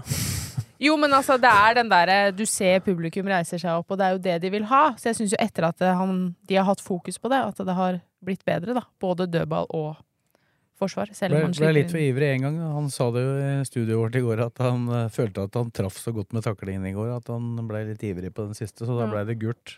Gult nummer åtte. Men det, men det er lett å si, for det er følelser. Ikke? Han føler at han er i det, men sett utenfra ser det unødvendig ut å dra på seg et kort på 0-2, da, og kort til igjen, og så midt på banen. Ja da. Men skal vi, Åtte gule, det er litt Når vi drøyt. først, først nevner kort her, da skal vi, skal vi ta en kjapp eh, liten runde på Mohammed Usman Aslam, dommeren i går. Jeg vet ikke helt om den blir kort, men Nei, Jeg har skrevet så lang vurdering av han, så hvis, hvis folk skal vite hva jeg mener om, om han, så står det både om han i en kommentar og Men er det så i- mye å si om det, egentlig? At, at han ikke var eh, Han er ikke god nok for nivå? Nei, det var Men- min, var min Men det, men det du kan si om det, da, mener jeg, er det er jo en straffesituasjon, da, som eh, han, Men han hadde jo begynt allerede før det. Ja. Men, men du kan ta den på enkeltsituasjoner. Men noen dommere eh, Hvis du så Espen Eskås i går, da, i Bodø-Glimt-kampen, som er den beste vi har nå Måten han bare sklir rundt og mens spillet går, har noen småkommentarer til spillere, bruker kroppsspråk litt, demper folk 'ja, ja, det er min skyld', tar den neste gang. Altså, det er en dialog. Eh, hvis folk er usikre, som jeg mener den dommeren her er, så vil all reaksjoner fra spillere føles som provokasjon. Og da er hans middel er å dra opp det kortet. Den ene situasjonen i går, så løper han med kortet i venstre hånda før Gabrielsen har takla. Altså, han, Ja, han, han, ser, han ser at Gabrielsen har en bra fart inn i den ja, så han tar opp kortet av lomma, løper 30 meter med kortet i hånda. Da har du bestemt deg, ikke sant? Og er Og du så når vi ser den i reprise, så ser vi at det er egentlig to, to mann som går Ja. omtrent klink inn i hverandre. Ja. Men er du usikker, så vær skråsikker. Så jeg mener at trygge folk, da, som er rutinerte, og som er gode kampledere, som er litt pedagoger, den bruker ikke korta som et sånt maktmiddel. Den bruker det når det er nødvendig. Han er dårlig på forebyggende, han er dårlig på dialog. Altså kampledelsen. Det blir for hett i huet på han. Når det er sånne viktige kamper, så koker det. Så han behersker ikke situasjonen. Det er mye verre, syns jeg, enn at han kan ta feil i enkeltsituasjoner. Jo da, men han eh, Ja, men han gjør jo det òg. Det var vel litt det var vel litt det samme. Var det ikke han som hadde den eh, kampen i Sandefjord mot Var det ikke mot Stabekka? Jo, når han overprøvde var. Ja. Ja. Så jeg mener det, det, Men, da er du rimelig høy på deg sjøl. men jeg forsto at det var misnøye med Det er jo kampledelsen som må ligge Ja. i bånn for Ja. enhver dommerprestasjon. Så vil jo alle dommere gjøre enkelte feil. Vi har jo hatt andre dommer uten å nevne navn som kan reglene til punkt og prikke. Ja, I flere idretter. Men som ikke har som ikke klarer å kampledelse. lede. Altså Se Per Ivar Staberg. Han har dømt meg i kvalikkamper. Det er umulig å bli forbanna på, men han har sørga for at vi misser hver gang. Fredrikstad, Start og Vålerenga, Sogndal osv. Men han har en væremåte som gjør at det er vanskelig å angripe ham, for han rekker hendene i været. ikke sant? Dårlig trent for han, strøyk på dommertesten, men fikk, for, han var en god kampleder. Rune Pedersen var dommerobservatør i går. var vel kanskje den Han var jo en dommer Men det er jo, det er jo De vil jo på en måte litt bort fra den type dommere da, internasjonalt òg. Er det, Men du kan dømme internasjonale kamper. Det blir på en måte på en helt annen måte. Da. Du ser jo dem er jo, er jo steinansikter, mange Ja, av de men som det dømmer hva er grunnen internasjonalt. til det når, når de dommerne som sirkulerer i Norge Spillere kjenner dommere, dommere kjenner spillere. De veit litt hvor lista ligger. Men det er det som er vanskelig med han her. da Du veit aldri hvor lista ligger. Men dømmer internasjonalt, så har de aldri møtt hverandre før, kanskje. ikke sant? Mm. Og da må du bruke altså, reglementet og kampledelsen på en helt annen måte og vise autoritet. Og så er det litt med kultur å gjøre da. ikke sant? Ja, Altså- det er jo forskjellige kulturer som ja, møtes, da. ja og, og jeg mener at eh, sånn som i Norge, så må du ha evnen til å ha dialog med spillere. Og han har vist gjennom sesongen, som du sier, Fredrik, at eh, han holder ikke nivå, rett og slett. Han havner jo i fokus mer eller mindre hver eneste kamp han dømmer, og jeg spurte Eskil i går hvordan han opplevde kommunikasjonen ute på banen. Han sa at eh, han holdt seg unna, for han hadde tre gule kort, så han hadde skjønt at det var ikke så lurt i den kampen her. Men han, Mm. Han fikk, så han fikk det allikevel. Han fikk det allikevel, ja, men ikke Ja. for kjeft. Eskil. Men det har ikke lag nå neste ja. kamp, eller? Jo, han fikk. Men da sa han at han opplevde det som vanskelig. Han så at det så fort en ja, spiller, og det gjaldt begge veier. Eh, At det gjaldt begge veier. At det så fort en spiller prøvde å på en måte, så var det bare nei. Eller kort. Eller altså, det var veldig sånn Det var uaktuelt å prøve å prate. Og jeg la merke til fra pressetribunen at han assistentdommeren på den siden der, han drev og hva skal jeg si, gestikulerte opp mot Han hadde, eh, hadde blunka litt eh, til publikum, Blunka, og det var han kanskje feil, feil, feil dag å gjøre det, da. Han holdt seg for mikrofonen en gang og sa et eller annet opp. Han drev og titta opp og smilte og gliste og var Jeg skjønner at de blir provoserte og forbanna når han holder på sånn, men Hva de vil jo ikke børsen, da? prate etterpå. Jeg, satt, jeg satte han uh, Rett før pause så satte jeg opp på eneren, for da lå han der. Han starter på fem. Jo, men han, da var han nede på én. Og Det gikk veldig fort. Og så sa, så sa jeg til disse, disse ved siden av meg at nå, nå har han en jobb å gjøre, for han må opp herfra. Og Det er klart, det er jo mulig å komme seg opp fra en én, men han, eh, det første han gjorde rett etterpå, det var jo at han ikke ga det andre gule til Tore Pedersen, som skulle vært utvist, rett før pause. Så da, da, da gikk han jo ikke opp. Nei, men jeg så den ikke siste halvtime, så så jeg Nei, ikke men da skjedde det vel egentlig nesten ingenting i kampen, da. Du kan ikke gjøre feil når ingen takler. Nei, men en god dommer er det når ikke du ser den.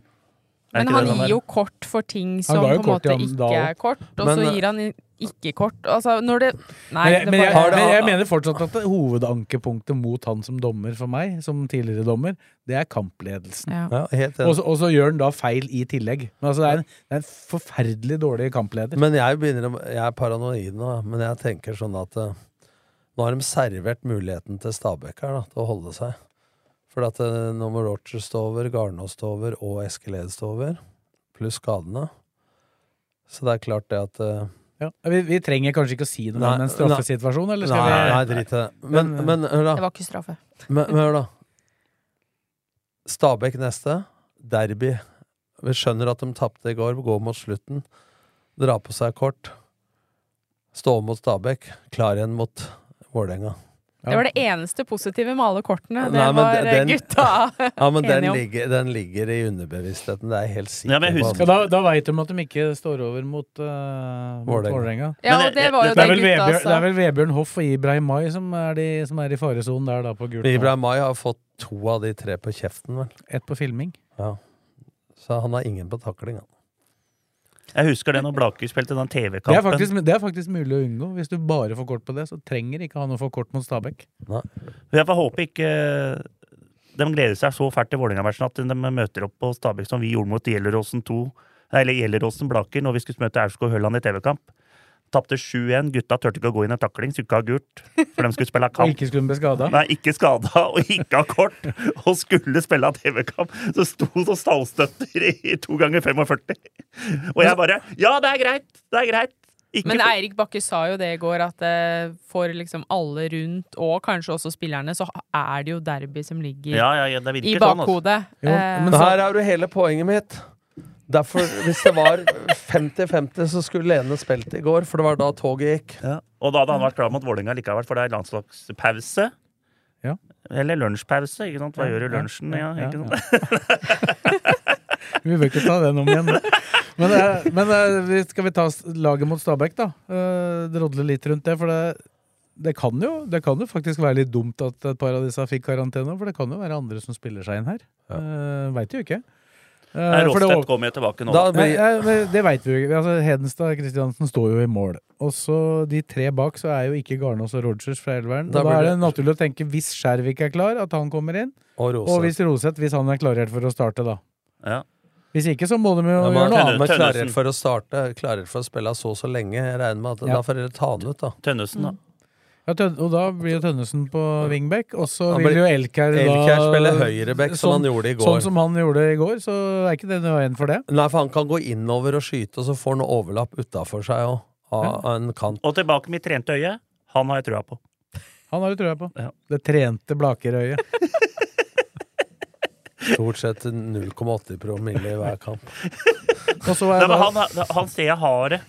Han har det. Så syns jeg det er vanskelig å vurdere om Lene Olsen da blir spart enda en kamp, eller om han uh, kan spille. I og med at han var, det virka på meg i hvert fall på lørdag som at han var ganske nærme å starte i går. Men han spiller på topp sammen med Skogvold. Ja, man må ikke glemme det at det, de må jo faktisk spille på seg en god følelse inn mot Vålerenga-matchen. Ja, så- og altså, så du kan ikke bare hvile for å være, hvile. det vil jo være fire uker uten kamp for Thomas Lene Ja, Olsen hvis han- skal han- møte Hvis det er medisinsk forsvarlig, så spiller han. Og så der i midten. Da blir jo det Ibrahim Mai, Hoff og Aasen. Det kan det jo bli. Skogvold Lene. Ibrahim Mai, Hoff Aasen. Med konkurranse fra Lundemo. Jeg tror ikke Thomsen står øverst på lista nå. Jeg mener det laget er bedre jeg, enn det vi starta med i går. Ja, det er det jo hvis Lene Olsen er med, så er det jo er Lene Olsen og Rostedt. Og Elke. Roseth. Ja. Rostedt. Rostedt. Det, Det er han han som var i Sarpsborg. Ja. Han spiller i Brøndby. Han hadde vært fint å ha. Ja, det, det kunne det vært. Det er jo flere som har prøvd å hente Men da blir benken tynn, da. Da blir Juba Charles og Thomsen Rogers er jo ute, ja. Ja, ja. Skårer Slørdal. Slørdal. Så, nei, jeg har ikke oversikt om jeg tror, Hva jeg fikk tror- Eskil gult på? Det fikk ikke jeg med meg. Taklinga på Ulrik Mathisen på hjørnet av 16-meteren. Eller på, akkurat utafor streken. Oh, ja, det, ja, det var det jeg mente. Ja, jeg fikk jeg så det var To mot én, to mot én der. Jeg stusset Jeg tror det, det var ikke blant de Det var nesten som var straffe, mest da. feil, det. Nei, det var, men, det, men det var, den var nesten Hvis du ser på reprisa, så kan den dømmes nesten straffe, for den, han blir tatt akkurat på Men du så, du så det på Eskil at han har bestemt seg for at han, Han Mathisen skulle ikke forbi der. Han fikk seg en smell i kneet i går også, så han, det var derfor han gikk ut litt tidligere. I det kneet han har slitt med. Ja. Eller han har jo for så vidt operert begge, da. Så. Ja. Og jeg regner med da at Ranger ikke er i nærheten. Uh, han har ikke trent uh, noe som er i nærheten av fotball enda, så Men jeg synes, det må jeg si at når jeg ser Roseth kommer inn i går, så ser du både venstrefoten, vurderingene hans og farten, at det er fotballspiller. Ja, men dette prata vi om sist òg, at når han får hund, klar, klar, klartekke, da er jo Eirik Bakke rett inn. Er du i Göteborg nå, eller? Klartekke. Klartekke. Men, men det, det, det prata vi om sist òg, at han er rett inn. Geir, Eirik Bakka hadde jo han i Sogndal og hele pakka. Ja, ja, Roseth. Mm. eh, Og, og da er det plutselig korta Hvis han da spiller og kan spille mer, så er jo korta stokka litt om. Ja. Da kan det jo hende at han blir der ut året, da. Ja. og da blir det plutselig konkurranse på høyre med Da er det tre mann, tre mann som kjemper om høyreposisjon. Skjærvik, Garnås, Rogers. Mm. Skjærvik kan også spille venstre. Ja, men nå må jo først og fremst så må jo Roseth klareres for at han starter, og så må Skjærvik eh, være klar igjen. Ja, og så må Ed øh, det kneet. Ja, han trodde ikke det var noe alvorlig, Ja, men han har kom med kort- ispose. Han har jo så... kort uansett. Så han Ja, så han skal jo ikke spille Nei, nei, mot han Stabæk uansett. Han har, han har tre uker på seg, han. Det, det er lugnt. Han skal spille landskamp. For å være med til Gøteborg. Han skal, han, men han skal, være på land, han skal være med på landslaget, så han er jo sikkert eh, veldig opptatt av å bli klar til det, vil jeg tro. Med Oscar Bob og den gjengen, hvis han ikke blir tatt ut på A-landslaget nå. Nei, skal vi si at Kan fort eh, bli det når han Nusa er skada. Ja. Eh, vi har jo en kjøreplan her som vi ikke har kommet så veldig langt på. Skal vi, skal vi, skal vi, skal vi si noe om uh, at cupen flyttes? Nei, jo. Skal vi ta det? det, det er Ja, ikke- vi det er må ikke- snakke om det, ja, fordi er det blir for dumt. Hæ? Det er ikke avgjort ennå, det der. Nei, men uh, det var ganske godt sammensatt, det utvalget. Men jeg, jeg må si at jeg var innmari skeptisk. eh, Men eh, Hangeland skal ha det at han argumenterte godt. Jeg, jeg, syns, jeg syns han la det fram på en veldig fin måte. Det skal han Det, det syns jeg også, og kan du si at sånn isolert sett så mener jeg at cupen skal avslutte sesongen. Men når han begynner å argumentere for den terminlista, hvor tett det blir osv., så, videre, så er spørsmålet hvor mye skal du ta hensyn til europacuplaga? Skal du utsette serierunder sånn som vi holder på nå? For, for i, i utlandet så spiller de eh, Champions League på onsdag, når de spiller seriekamp på lørdag for det, men det kritiseres jo veldig da, av Klopp og kompani osv. Men jeg skjønner Ja, og det er jo ikke snakk om å legge til rette Nei. sånn, det er jo snakk om å gjøre det i perioder. Foran en playoff, for eksempel. Det ble jo, ble jo kritisert at Norge gjorde det. Men eh, de laga som de eh, norske laga møtte i playoff, dem spilte ikke dem heller. Nei. Eh, Men hvis, du, de men hvis du skal sette to onder opp mot hverandre, da. Hvis du skulle diskutert Vil du ha cupfinalen på våren, eller vil du ha høst-vårsesong istedenfor vår-høst? Så ville jeg mye heller, hvis du måtte velge en av de tonene, så ville jeg mye heller ha flytta på cupfinalen enn å gjort om på sesongen. For nå kommer det også det forslaget. Før så spilte vi Royal League, og ulempen med det, selv om det var fint for supportere og sånn, var at du gikk rett fra seriespill uten noe pause. Og folk har vært på landslag og slitne mentalt og alt. Det er noe med det at når serien er slutt, så er det som å stikke hull på en ballong. Og så ble det masse skader, og spilte Royal League helt fram til 20. desember. Det de har planlagt nå, er jo en vinterturnering fra januar, altså kall det Royal League, da, fram til mars istedenfor treningskamper. Og hvis de får ett lag til inn på den konferensen, hva det heter, eh, så, ja, så kan du få vinneren av den som han argumenterte for, da, til å få en europacupplass, og da betyr det jo noe. Så da vil jo treningskampa få mer betydning på vinteren. Sånn sett, alle de argumentene, og da måtte cupen vike. Og jeg trodde aldri jeg skulle si det, men sånn som han la det fram, så mener jeg det er det minst dårlige forslaget som kunne komme da, Altså, det- framfor å Altså det som, det som er, på en måte er det beste argumentet, som det er vanskelig å argumentere mot, da. Ja. I Norge har vi en sesong på åtte måneder. Mm. Alle andre har en sesong, bortsett fra kanskje Sverige, da, på ti Ja. til elleve. Mm. Det, det er to måneder mindre, eller altså færre måneder spille, hvor vi ikke er i konkurranse. Det er jo ikke, det er jo ikke naturlig å ha tre-fire måneders oppkjøring, sant? nei, og det han sa Så- nå, var jo at han ville begynne i slutten av mars istedenfor uh, første helga i april. Men det er klima, da. Klima Ja. er jo en Ja, utfordring Men her. klima var jo grunnen til at de ikke snur til høst-vår, da. Som, uh, det er bare Norge og Sverige omtrent som spiller eh, vår-høst. I Danmark spiller de høst-vår. Uh, så det er klima. Men så prøver de å bryne 14 dager før, da. Det greier de nok eh, enn det de har gjort. Eh, så, ah, så jeg tenker sånn, jeg tror aldri jeg skulle si det, men hvis du må vike på noe da, for å få plass til kamper på høsten osv. pga. terminlista, så tror jeg det ikke er så dumt at uh, cupen flyttes. Hva, men, også- hva mener du, eh, Karine? Det kan også spilles fotball på sommeren da, i Norge. Trenger jo ikke fire-fem uker eh, pause. Nå må du oppdatere deg. Når har de fire-fem uker Nei, pause men- om sommeren? Nei, men ofte så er det lange pauser. Jeg har ikke hatt ferie, jeg har ikke hatt ferie ennå. Det har nå hatt noe med terminlista å gjøre. Ja. men det er jo en grunn til at folk, eh, laga nå får ferie. Når det er landslagspauser, eller hva du skal kalle det, lunsjpauser, som det kanskje. Fordi at de har jo ikke tid til å ta den ferien som før. Så det er jo ikke det. Oppå før så var det ofte tre-fire uker. Altså, du hadde fri halvannen uke, ni dager. Og så trente du halvannen uke, og så har du seriestart. Ja, nå kommer det et Det- det mesterskap, og da blir, det litt, da blir det litt mer igjen, da. Ja, men når det ikke er mesterskap, så er jo det vanskelig, Karina. I forhold til at du kan si de kan spille om sommeren. De har jo spilt hele sommer. Det var det. Uh, Men uh, med cupen så tenker jeg at uh, ja, det var ganske deilig og behagelig å sitte på Ullevål i mai, jeg skal innrømme det. Men eh, å bruke på en måte en cupfinale mellom LSK og Brann som et eksempel på å flytte en cupfinale med tanke på stemning og sånn Altså, den cupfinalen hadde vært populær om den hadde blitt spilt på julaften. Um, så jeg syns det er jeg, jeg vil ikke flytte cupen. Men hvorfor tror du det blir dårligere stemning hvis det er to dårligere lag? La oss si at eh, det er, eh, uten noen forkleinelse for øvrig, det er Haugesund mot Ålesund i cupfinalen. Så tror jeg faktisk det er flere som ser på den i mai enn enn i desember. Når de i utgangspunktet eh, kampen er uinteressant. Så det argumentet slår jeg seg sjøl, men, Men å ha en cupfinale midt i en sesong Nei. Nei.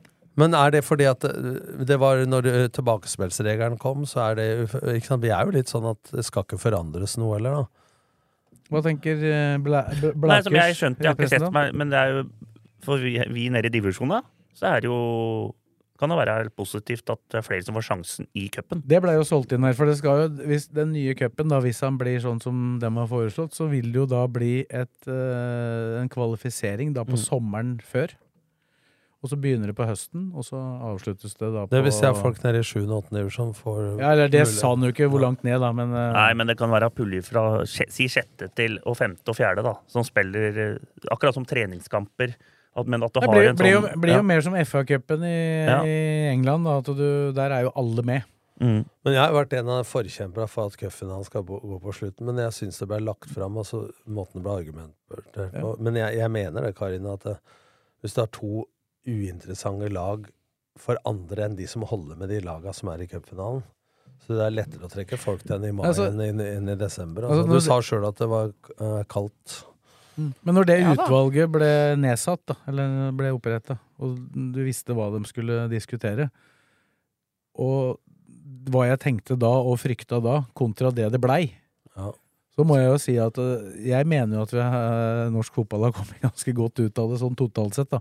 For jeg, jeg frykta jo at det skulle bli noe sånn der sluttspilljag igjen. Ja. Altså det, det mener jeg var det aller, aller, aller viktigste av alt. Det var at det- Eliteserien og Obos-ligaen fortsetter med 16 lag. Det blir ikke noe sånn rør med Ja, de, nei, det dele sesong. Heldigvis, får vi si, da, selv om det dessverre gikk utover eh, toppserien for kvinner, da, så fikk vi jo liksom prøvd det i fjor. ja, ja. I fjor, Så vi så liksom hvor håpløst og meningsløst det, det, det passer ikke i Norge. Så enkelt. Også at det ikke blir høst-vår. Det var liksom nummer to. Og da er det cupen igjen. Så jeg er jo litt på den linja du er, Tom, at jeg mener at det er ikke ideelt. Skulle helst sett at cupfinalen var det som avslutta sesongen. Men sånn som den internasjonale sesongen og alt blir påvirka nå, så tror jeg for å unngå den Se den sesongen vi har hatt i år, da, med alt det derre flyttinger av. Det er først nå, når HamKam er på Nadderud på 4. oktober. Det er vel første gangen siden første serierunde omtrent. At alle har spilt like At at alle har like mange kamper på tabellen. Ja. Og det er kjedelig når du skal lese om vi har hengekamp der. Og du vet nesten, Da får du litt sånn håndballsyndrom. Altså Du veit ikke når kampa går. Nå hadde de en egen helg hvor de som eh, ble utsatt pga. Europacup, den i går nå. Ja, fire kamper i- I, fire kamper for da, Da gikk den på ei helg hvor andre ikke spiller. Det blir så haltende sånn, da. Så jeg skulle gjerne hatt cupfinalen på vinteren, men opp imot alt du Eller høsten var jo egentlig da vi ville ha den, men men det går jo ikke lenger. Nei, det går ikke lenger. Før så slutta det jo i oktober, ikke sant. Men eh, da var jo sesongen enda kortere. Så, og av alle ting du kunne ha blitt, som du sier, så mener jeg at eh, det, eh, det forslaget man kommer komme på, er eh, minst dårlig, da. For å legge Men hvis et lag Når et lag er i Europa fra Norge og spiller da onsdag eller torsdag, hvorfor kan man ikke da spille helgen før eller helgen etter? Hvorfor må De gjør jo det. Ja, men de klager jo på at det er derfor de må flytte kamper og sånn, fordi Nei. at de Det, er jo, de, det har vært tatt hensyn i forbindelse med playoff, fordi at playoff-kampene regnes som ekstremt viktige for å, om du kan komme inn eller ikke. Så det, og det, altså når eh, Var det Brann som møtte Aset? Brann hadde fri, den kampen som ble spilt i går. Fikk, fikk, slapp dem. Og Aset spilte ikke i nederlandsk æresdivisjon, så det var ikke noe forskjell, eh, forskjell på det. Samme var det i Belgia. Det er forskjell på vanlige runder og Ja, ok, så playoff. det er da. ja. Ja. For hvis du skal ha hensyn i alle runder, kvalikrunder og alt som er, så hadde det jo ikke vært mulig å gjennomføre serien uten jeg, jeg, jeg, jeg syns jo for eksempel, da, øh, og da mener jeg de tar for mye hensyn til europacuplaga. øh, Da tar de hensyn til hva de skal gjøre i Eliteserien. Det er et eksempel nå, når LSK møter Bodø-Glimt, så er den flytta til mandag, som gjør at det er jo det er vanskelig å komme til Bodø eller å reise dit og se kamper uansett. Nå, mandag 18.30, da kommer ikke mange Lillestrøm-supportere dit uansett hvordan situasjonen hadde vært. Og da tar du hensyn til at Bodø-Glimt skal få én dag mer hvile for å spille Eliteserien. Du tar ikke hensyn til at de er i Europa. Nei.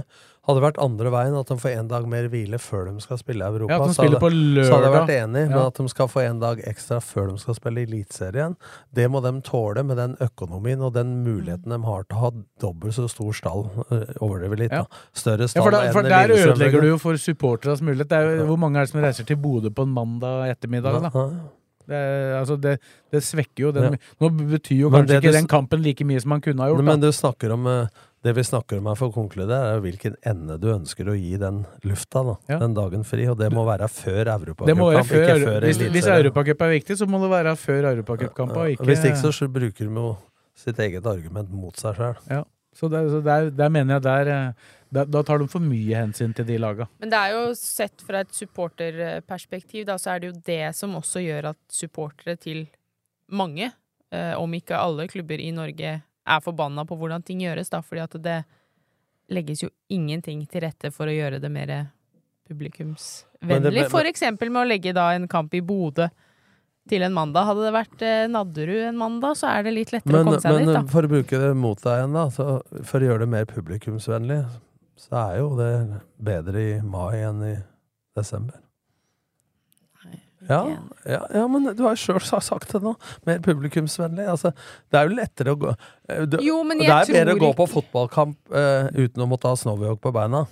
Altså Konsekvensen av uh, det som skjer både internasjonalt og sånn den norske serien har blitt, altså vil jo en cupfinale, hvis den skulle gå etter sesongen, den gjør, går mye som i år, da. Det er jo tidligst 10. desember kanskje den kan gå, da. Det er, det Men er det blir litt da, da er det mange som endelig skal gå på ski i Norge. Men det, er, men det er litt for enkelt da når folk sier at uh, hvis cupen blir flytta, så legger jeg ned hele greia. Altså, jeg mener at folk må ha evne til å se alle argumentene opp på bordet. At det ikke er mulig å få til alle ønsker. Altså, Unga ville alltid jul. Alt kan ikke være som det var i skøyter, 19 men du får ikke fotball. 1985, liksom. Nei. Alle vil ha harde pakker til jul. Da begynte vi. På den tida, langt tilbake til, så begynte vi jo ikke serien før i tidlig mai, eller slu, tidligst slutten av april.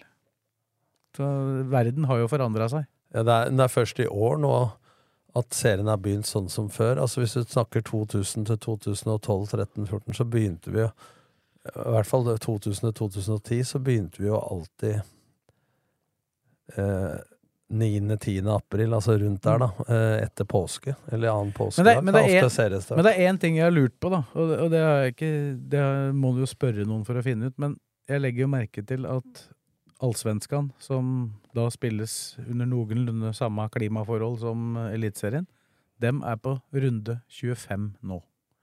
Dem slipper da at den siste landslagspausa For det, det, det syns jeg er utrolig klønete. Når du har den siste landslagspausa i november, så har du igjen to seriekamper på andre sida av den. De laga som ikke har noe å spille for da, ja, det, er to, det er totalt drepen. Altså det, husker du Kristiansund kom hit i var det 2018, Det var så vidt de møtte de hadde, de- Afrikanerne deres hadde med seg kofferten og skulle rett hjem til Afrika etter kampen. Det var ikke, det var ikke mye motstand, for å si det sånn. Altså, og at du har Men uh, svenska klarer da å bli ferdig før den og har serieavslutningen sin Ja, det Norge man klart da i Norge sp- men da, da det da skal jeg stille et spørsmål på vegne av meg sjøl og lytterne. Hvordan greier de det? Når ikke vi klarer det. Ja. Og der, der har NFF en utfordring. Ja. For det har da sikkert uh, ikke gitt så mye luft. Med i den hvorfor feil enden til å gi folk en ekstra fridag før eliteserie. Ja, vi har, vi har jo, det det er blant annet den helga som var nå, da. Mm. Hvor det var lagt inn ei helg. Og det syns jeg jo på en måte er positivt, at det i hvert fall blir satt av ei helg til sånne type kamper, da. For da, da rammer du ikke gikk tirsdag, Altså, at, at LSK Brann skulle gått på en onsdag, da, er det ikke, da hadde det nok neppe blitt 9300, som det Ja. var i går. Det er jeg enig i, at det blir helg, men jeg bare Og så det, det er det cupen. cupfinalen, da. Cupfinalen tar jo også ei helg, da. Fordi du sier det at eh, Ha- Haugesund-Ålesund, da, i cupfinalen, at det er lettere å få folk på kamp i mai enn i desember. Men som nøytral, hvis du skal se en cupfinale med de to lagene kontra LSK og Brann, da Jeg tror ikke det En nøytral tilskuer ville ikke dratt på Haugesund-Ålesund om det var i mai eller i Jo, desember. For i, i desember så sitter han med raggsokker, kakao, og ser på langrenn og skiskyting. Ja. Og hvis det er i mai, så kanskje han forbi, hadde gjort det i forbindelse med noen andre aktiviteter. Men en cupfinale er en opplevelse for klubbene, for altså, spillerne og for supporterne. Ikke for eh, naboen eller Altså Ja, Men jeg har da ikke sagt at det er for det nøytrale. Jeg sa du brukte et argument på uh, at eh, man skal legge forhold til rette for publikum.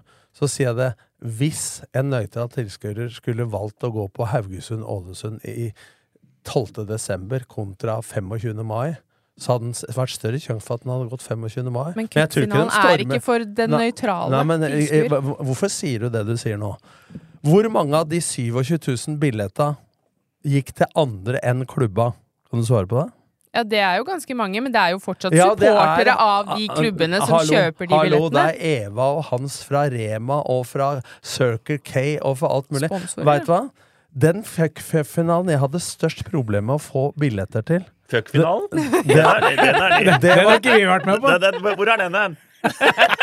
det, det, det var den jeg sjøl var trener for. Jeg måtte kjøpe billetter til familien. Alle andre finaler får du gjennom sponsorer. Klubba får 30 billetter. Du kan ringe til Odd eller annen klubb som ikke er der, så får du billetter. Hvis du ser nå, hvor mange fikk Lillestrøm? Ja, det husker jeg ikke. 7000 eller noe sånt. og Branden, Altså, halve stadion er fullt av folk som ikke har noe forhold til de laga. Så det Nei, det er jeg uenig i. Ja, men det går ikke an å være uenig i fakta! Ja, men det er jo ikke Nå- fakta. jo, jo, jo, jo, Nei, ikke når du ser kampen, men når billetta blir delt, så er det sånn. Men, jo, eh, men, men, eh, når du ser seg hvem som er på stadion, så er Ja. det supportere som har et forhold til lagene. Det ser du. Det er bare å se på Ja, men det er fordi fargene på har, ska- det er fordi de har skaffa seg billetter eh, som andre egentlig har fått, da. Jeg prøver bare å si at det fordeles altfor mye, etter min mening, til folk som ikke har noe forhold til de laga. Mm. Så folk må kjempe og ta kontakt med firmaer og få billetter via, via, via. Det er det jeg sier. Ja, det er ikke bra. Det er vi- ikke cupfinalen i utgangspunktet for bare laga. Men det hadde kanskje vært 1000 ekstra da Ja, på Haugesund-Ålesund Nei, i mai ja, Men kontra hvis det hadde desember. vært det du sier, så hadde de fordelt Av 27 000, så hadde de fordelt eh, 10 000 til hver, da. Eller 12, og så bare et par tusen til de viktigste sponsorene til Ullevål Business Class, og dem de er nødt til å gi billetter til. Og Kongen og Krompen og de greiene der. Vi lar eh, Hangeland-utvalget ligge et øyeblikk, men vi skal fortsette å prate cupfinale. For dit kommer ikke LSK kvinner. De tapte for Rosenborg på lørdag. Ja, Det gjorde de. Du så kampen? Jeg så kampen. Jeg så den eh, samtidig som jeg så på eller hadde kontroll på to-tre andre kamper. Men jeg, du kan jo oppsummere Ja, det var jo egentlig litt sånn som LSK Brann i går, at eh, Rosenborg var bedre. eh, men LSK hadde heller ingen prestasjon som var å rope hurra for. Eh, de skapte vel heller ikke, så Jeg syns LSK kvinner var nærmere Rosenborg enn LSK var Brann. Jo da, sånn sett. Men jeg syns allikevel de var lenger unna en cupfinale enn det Rosenborg var, da. Men uh... De gjorde også en feil. I hvert fall det Ja. siste, siste målet spesielt, etter at de hadde utligna til 1-1 med Emma Gode der. En uh, flott scoring. Ja, og da tenkte jeg kanskje at nå får dem liksom Men uh, når du slipper inn mål tre-fire minutter etterpå, da, på en feil, bare spiller ballen rett ut i det rommet den ikke skal Fra en innlånt midtstopper fra Ja. Rosenborg. Som Ja. klarerte rett ut fra mål og rett utafor 16-meteren. Med navn. Ina Vårhus. Ina Vårhus. Har du spilt fast i det siste? akkurat ikke? Hun har kommet inn, ja. Nå ble på LSK fordi Mia Auten er skada. Mm. Men, uh, Men de følger samme overgangsvindu som herrene? Ja. Ja. Hun ble signert på deadline day. Ja, ja. helt mot slutten der. Så ab altså, absolutt en god forsvarsspiller, men hun har ikke helt kommet inn i det og gjort noen eh, Hun var banens beste i første kampen sin fra start, og etter det så har hun vært dårligst. Mm. Det var vel mer drama mellom Vålerenga og Lyn. Ja da. Så, men Ja. samtidig så ja, ok, tape for Rosenborg borte, som nå vel ser ut til å dra i land seriegullet. Og Ja da, det er et Rosenborg det, er jo, som er- det var jo det vanskeligste motstanderen de kunne få på bortebane i en cup, da. Ja. Nå har vi snakka mye positivt om LSK kvinner i år, og det har du gjort og Karina, i forhold til det bråket som har vært før, og, og spillere som har krevd å gå, og krangel med ledelsen og alt mulig, og sammenslåing og så videre. Så blir man jo litt overraska nå, da. De har jo 320 tilskuere i snitt, men at det nå plutselig er i rød sone igjen, da, økonomisk, og at de står i fare for å legge ned toppsatsinga. Eh, det er jo rødt flagg, rød sone. Ja, og først og fremst, da, hvis vi skal forholde oss til Rune Øyen, da, som er styreleder, så er det jo mangel på sponsorer som det slites mest med. Jeg vet ikke hvor Men har de noen som jobber kun med sponsorer? Har de noen markedsfolk nå? Ja, de Ja. har jo det er, jo ikke, det er jo ikke en stor administrasjon. Det må, må Men de si. har jo, ja, media og, og sponsor Men, men er vel en og det, da. samme pers. Når jeg var innom i 2014 i Lørenskog Hockey et halvt år, så skal du kjempe med LSK, herrer, kvinner. Du kjemper eh, også om samme sponsor omtrent som Stabæk og Vålerenga, altså litt sånn større sponsorer. Uh, og det er så mye idrettslag på Romerike, og, og det å tro at det å gå ut og selge LSK kvinner er enkelt. Men jeg Jeg la jeg la- til og med Lørenskog Hockey, altså det meste var barteravtaler. er at det, for han som eide klubben, holdt jeg på å si, han kunne si at hvis eh, Gustavsberg har i isreklame for 200 000, så skal jeg kjøpe alle toaletter der til alle bygga jeg skal bygge. Ja, men det, det er sånne Jo, ting men ja. du kjører på, da. Men jeg la, jeg la merke til en ting da jeg så det skjemaet med rød, gul og grønn uh, på toppserien for kvinner. Det er mulig jeg husker litt eller feil, men i hvert fall alle de klubba som tilhører klubber med herrelag, altså Brann, Rosenborg, Stabæk, Vålerenga. Alle de var i grønn. Og da er det jo basert på totaløkonomien til klubben. Til klubben, ikke sant? Så de har jo den samme fargen som Og da kan folk bruke det argumentet at det burde Lillestrøm ha slått sammen om. Men Ja. da hadde LSK nå hatt et økonomisk problem ikke, og ikke, utgift ikke, med ak- ikke akkurat i år. I år hadde, Ja. da, hadde, da hadde LSK kvinner vært i grønn nå. Ja. Men det er på grunn av at LSK herrer da har solgt spillere for 100, 100 millioner eh, Ja. siste året. Uh, så spørsmålet er jo Er det liv laga? Spørsmålet mitt er når blir det bråk i de klubba Ja. som har slått seg sammen, på Ja hvordan penga Og, skal hvor, fordeles? og hvorfor er Stabæk i, eh, kvinnene i grønt? Er det fordi at kvinnene går bra? Neppe. Men de har solgt uh, spillere for uh, omtrent 100 millioner, dem òg. Ja. Det er det som er grunnen. Ja, og den baserer så spørsmålet er jo om den toppseriesatsinga altså Et eller annet må skje. da Er det liv laga, egentlig? Ja, og egentlig er det jo mer etter Hege Jørgensen kom inn i toppfotball for kvinner. Utrolig mye sponsorer på nasjonalt da, eh, i, i kall serieforeningen enn tidligere. Mm. Men så er jo mange av profilene, da. eh, Hvis du tenker at profilene i damefotballen spiller i utlandet. Men så tror jeg det har ringvirkninger også med alt det bråket og surret som har vært i LSK og vært i andre klubber, og med landslaget og den sutrekulturen som har vært.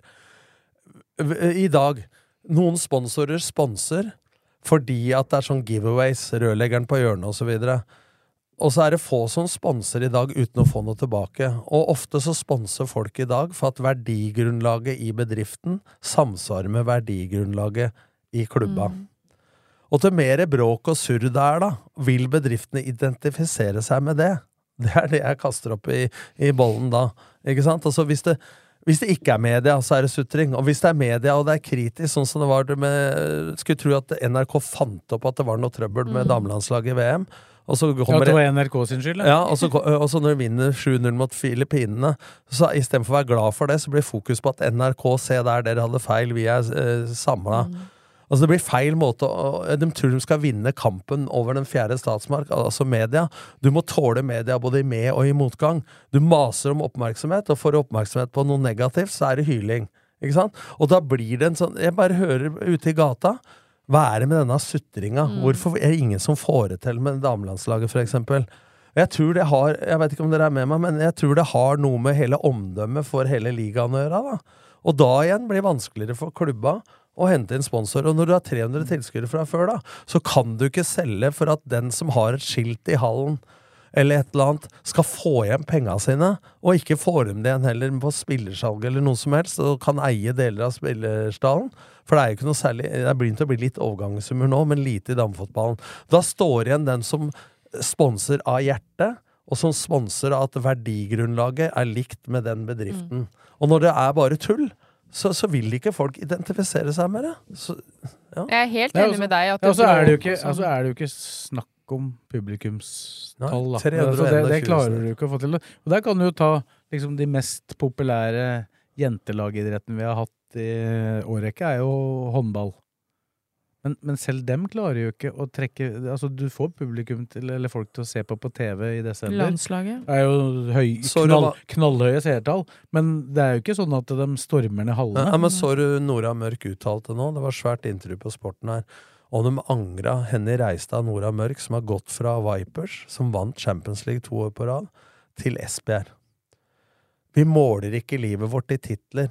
Altså, når du spiller på Vipers og vinner hver kamp i blinde Nora Mørk sa da at jeg, det er bare en kamp, jeg motiverer meg ikke. Når jeg spiller i danske ligaen, så må jeg forberede meg å være på topp hele tida. Det er Mm. nesten sånn at nå må jeg spille skada. Jeg må be om å få fri. Altså Det er en helt annen utfordring til daglig. Så, så Vipers de har spilt, er motivert når det er Champions League, og når landslaget spiller. Da er det full hall. Eller så er det 200-300, som Mm. du sier, Morten. Helt riktig. Og, og der sliter de også, da. Til og med Skiforbundet sliter jo maksimalt økonomisk, altså i i Norges nasjonalidrett ved siden av fotball. Så, så jeg tror at det er hardere og hardere sponsormarked, og da må du trykke på noen andre knapper enn den som skal sponse og tro at de skal få igjen penga sine. Det er giveaways, eller så må det være sponsing av merkevarebygging og verdier. Men jeg er helt enig med deg at bråk og sutring og alt det der Jeg også har fedd up av å høre denne sutringa til landslaget og alt det der. Eh, så den kjøper jeg, men jeg tror også at det handler litt om at de elsker Kvinner nå og de siste sesongene, det har vært veldig manko på profiler. I forhold til hvordan det var da de vant mye og alt det der. Og de få som har vært der, har heller ikke bydd noe særlig på seg selv, da. Og det er klart at når du har et lag du sliter med å få publikum, så må du kanskje gi litt ekstra da istedenfor Altså, de har vært veldig sånn lukka. Men Når det har vært problemer Hun som da bøyer på seg sjøl litt etter hvert her, spesielt i forbindelse med en kamp mot erkerivalen. Hun, eh, hun var, det, var det vel ikke så mange som trodde på det hun sa, hun sa det stikk mot ja, men hun henta jo ikke noen sponsorer, hun heller. Men da har jeg et spørsmål. Når vi da hadde profiler, folk der var det mer folk? Nei. Var det mer sponsorer? Nei. Men Per Berg var der. Ja.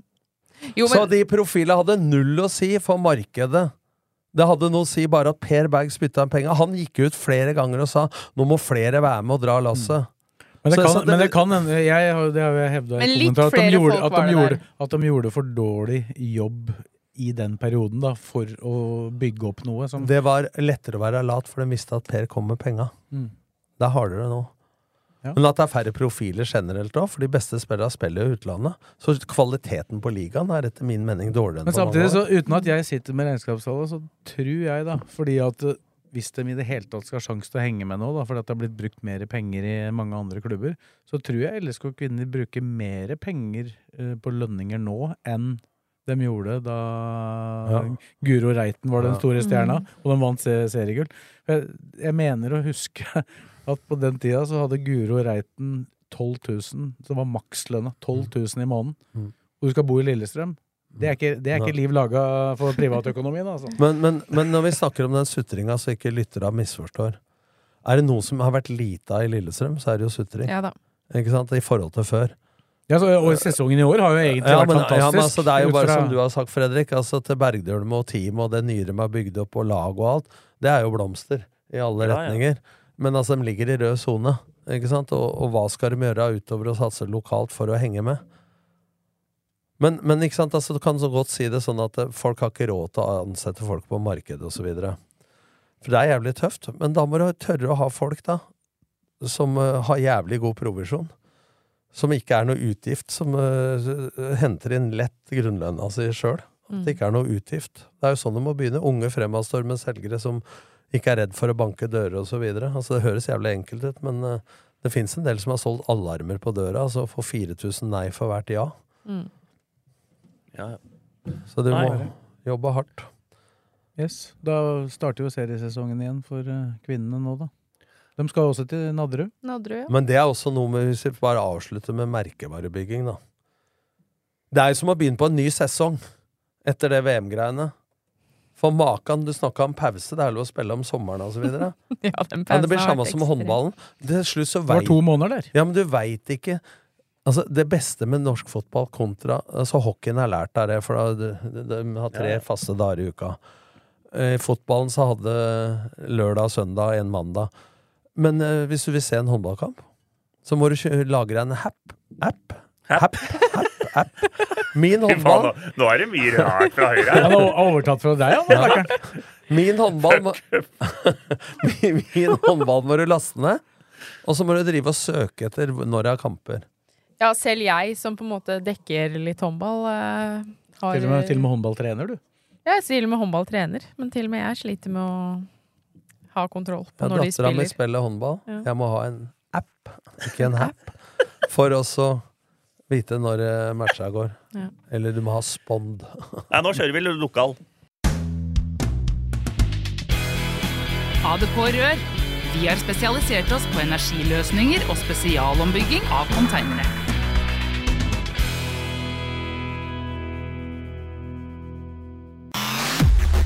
Nortec Taksenter leverer alt av takprodukter til proff- og privatkunder. Fagkunnskap, service og rask levering til kunder over hele landet er våre styrker. Opp med lista til Toreid. Nei, dette er tabell.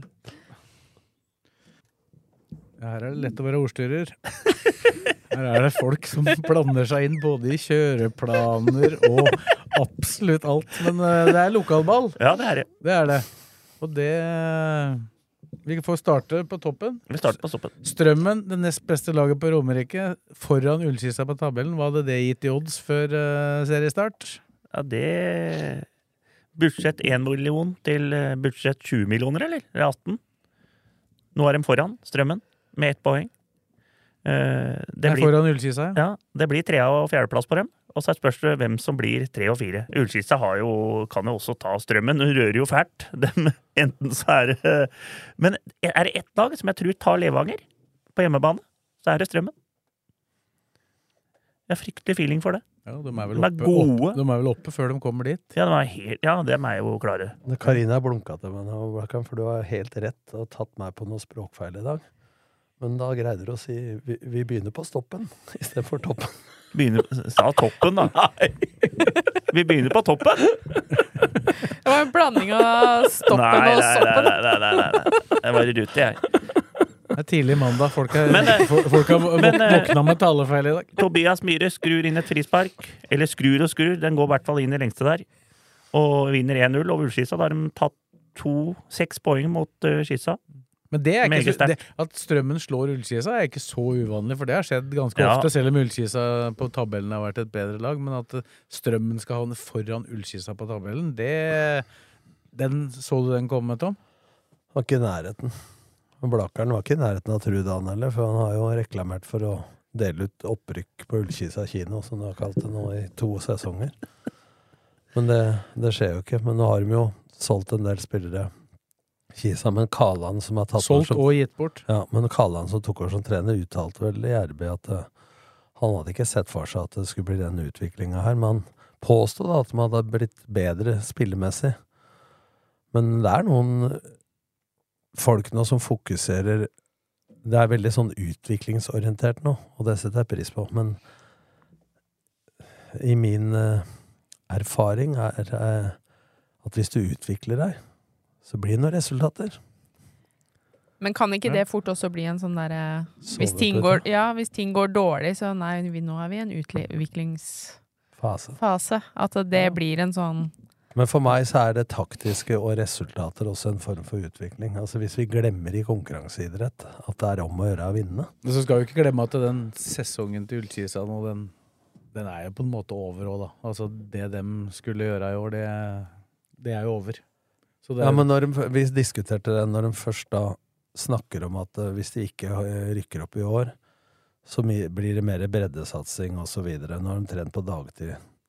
Og når de ligger da og lukter på Tromsdalen og kan få kvalik da, Om de da går 400 000 i underskudd, eller 550 000 i underskudd, så burde de ha gjort noe. Når han eh, Landro gikk, så burde de ha gjort noe på trenersida. Ikke for å ringe Kalan, han kunne ha vært der, han. Men jeg mener at de skulle satt inn maks støt da for å få jeg, kvalikplass. tror det, jeg tror det har vært på et nivå nå at det har vært spørsmål om de kunne utbetale lønninger fra måned til måned, liksom. Så jeg tror det, jeg tror det er Det har, Ja, ja, de har dukka opp en del ting men, her. underveis men vi spiller i Kisa De tjener, men de tjener jo ikke all verden. Men hvis de får beskjed om at eh, nå skal vi satse på kvalik og rykke opp, Obos eh, ligger som ei gulrot i enden, er villig til å ta 10 eh, lønnsreduksjon i spillere, kontra at nå skal vi bare spille ferdig sesongen, så tror jeg Hvis du selger inn det på rette måten, nå, da, så tror jeg at alle har lyst til å legge det i potten for å så prøve et opprykk, da. Mm. Det virka som at de bare rakk henda i været når Landro gikk, og så sagt at nå bare Jeg tror, jeg tror det har dukka opp en del ting der som ikke nødvendigvis de som overtok i, i januar, visste om. Så det er, det er, nok, det er nok en del Ja, men, eh, det, Ja, det, det, det tror ligger dårlig an med økonomien der. Men vi prata jo om det når Kalan tok over, at eh, her er det fortsatt mulighet til kvalik. Og hvis ikke dem hadde røra med det der at de har tatt ledelser, og så har det blitt uavgjort, eller Så de hadde tatt, de, så hadde de vært oppå Tromsdalen der. der. Men for å følge opp den tråden du tok opp nå, da. Da vil det jo si at uh, Aalbu, da, som blei kommersiell leder i Stabæk, som nå går til Vålerenga etter et lite Han har snart blitt av like mye jobb som far sin.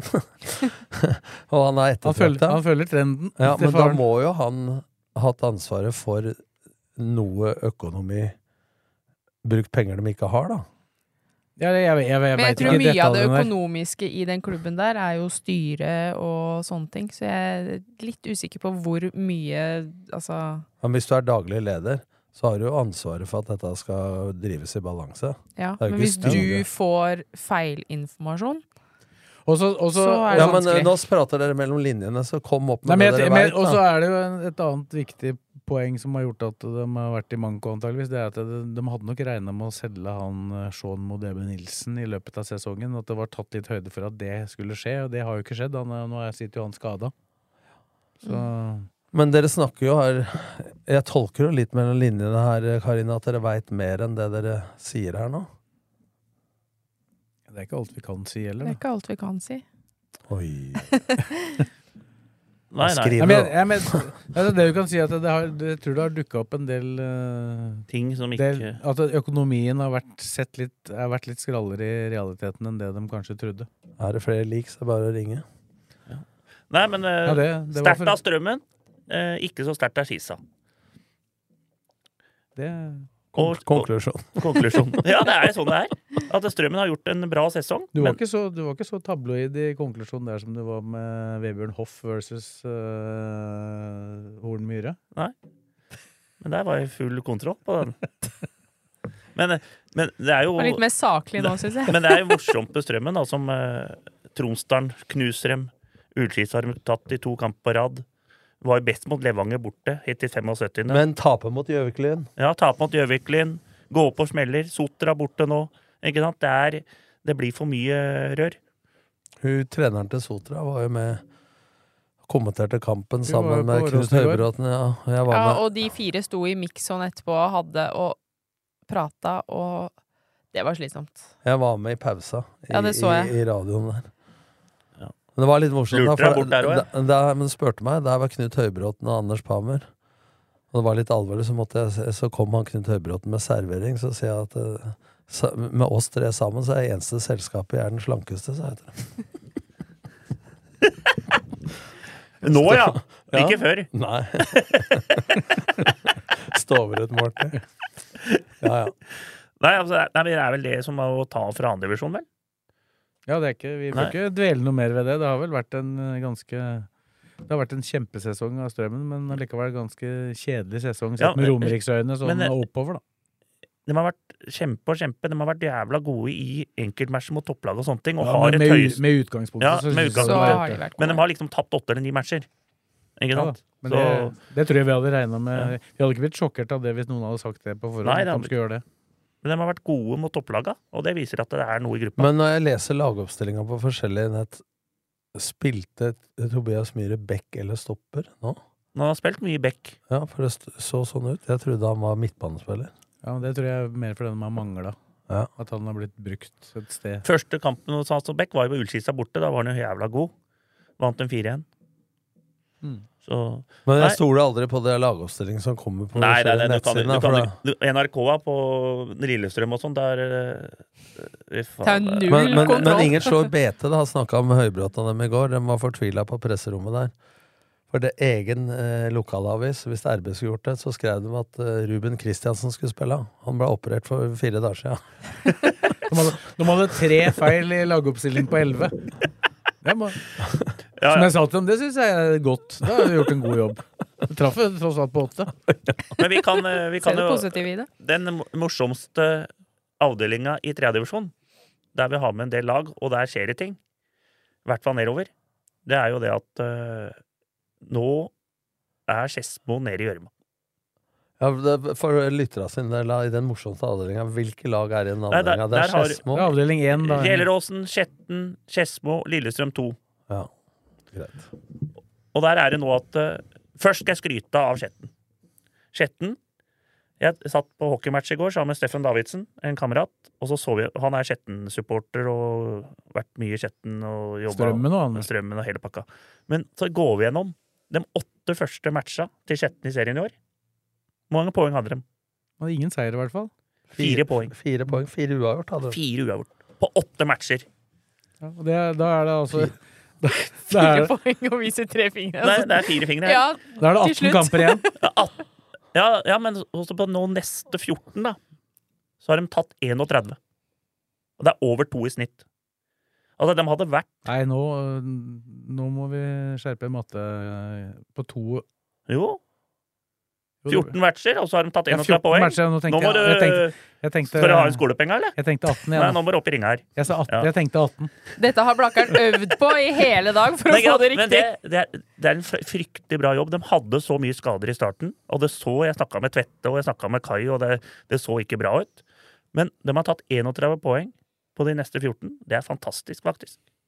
Og de er øh, Nå er de på femteplass. Og de, de kommer til å komme opp i fjerde, kommer til å gå opp til forbi Gjelleråsen, og så er de øh, De hadde vært annen, Lysekloster er for gode, de er 60, liksom. Men de, de hadde med den sesongen hele veien, så hadde de ligget oppi med, med Frigg der.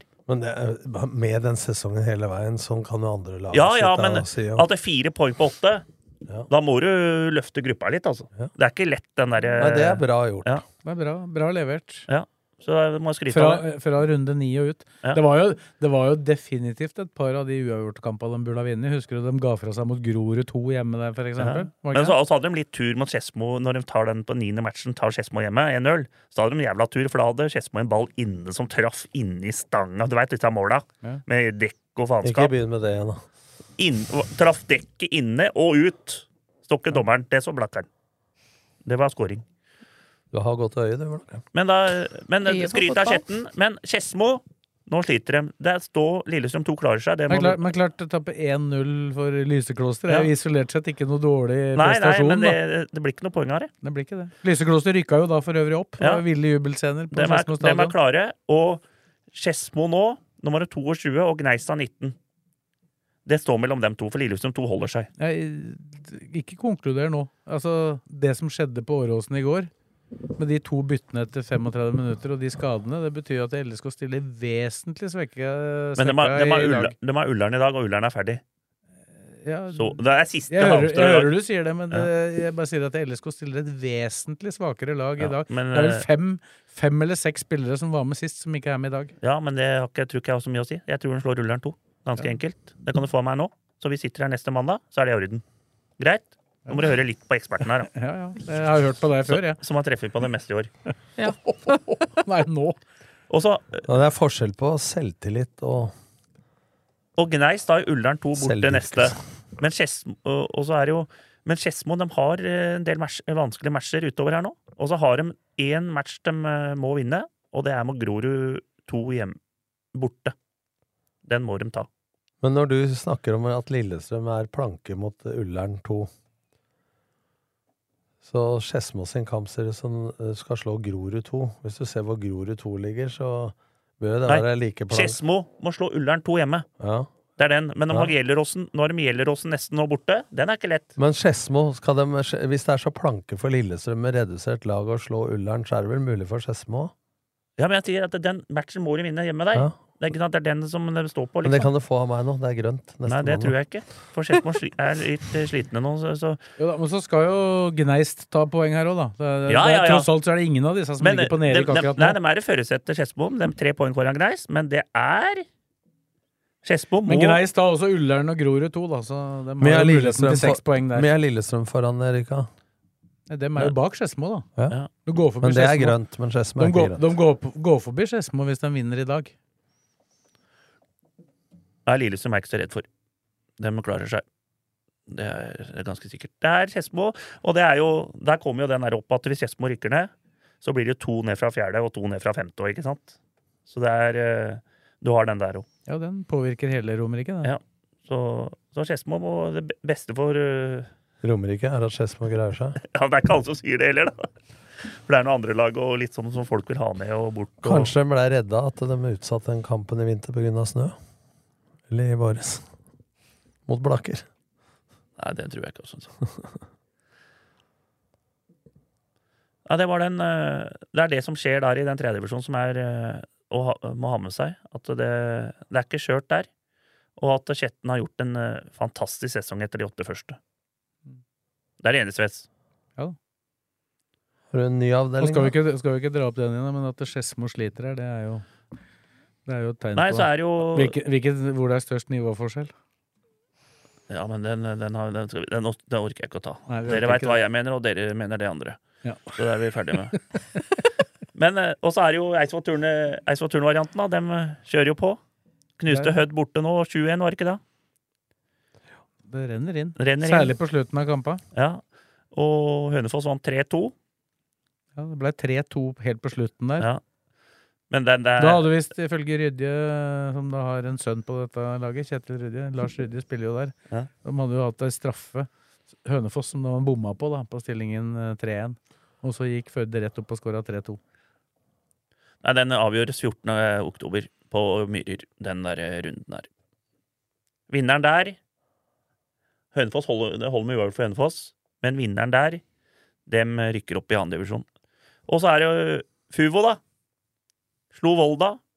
Var årets viktigste match, så er, nå har de holdt seg. De har jo vunnet i tre i det siste. De. Ja, så de har 28 poeng, og det holder.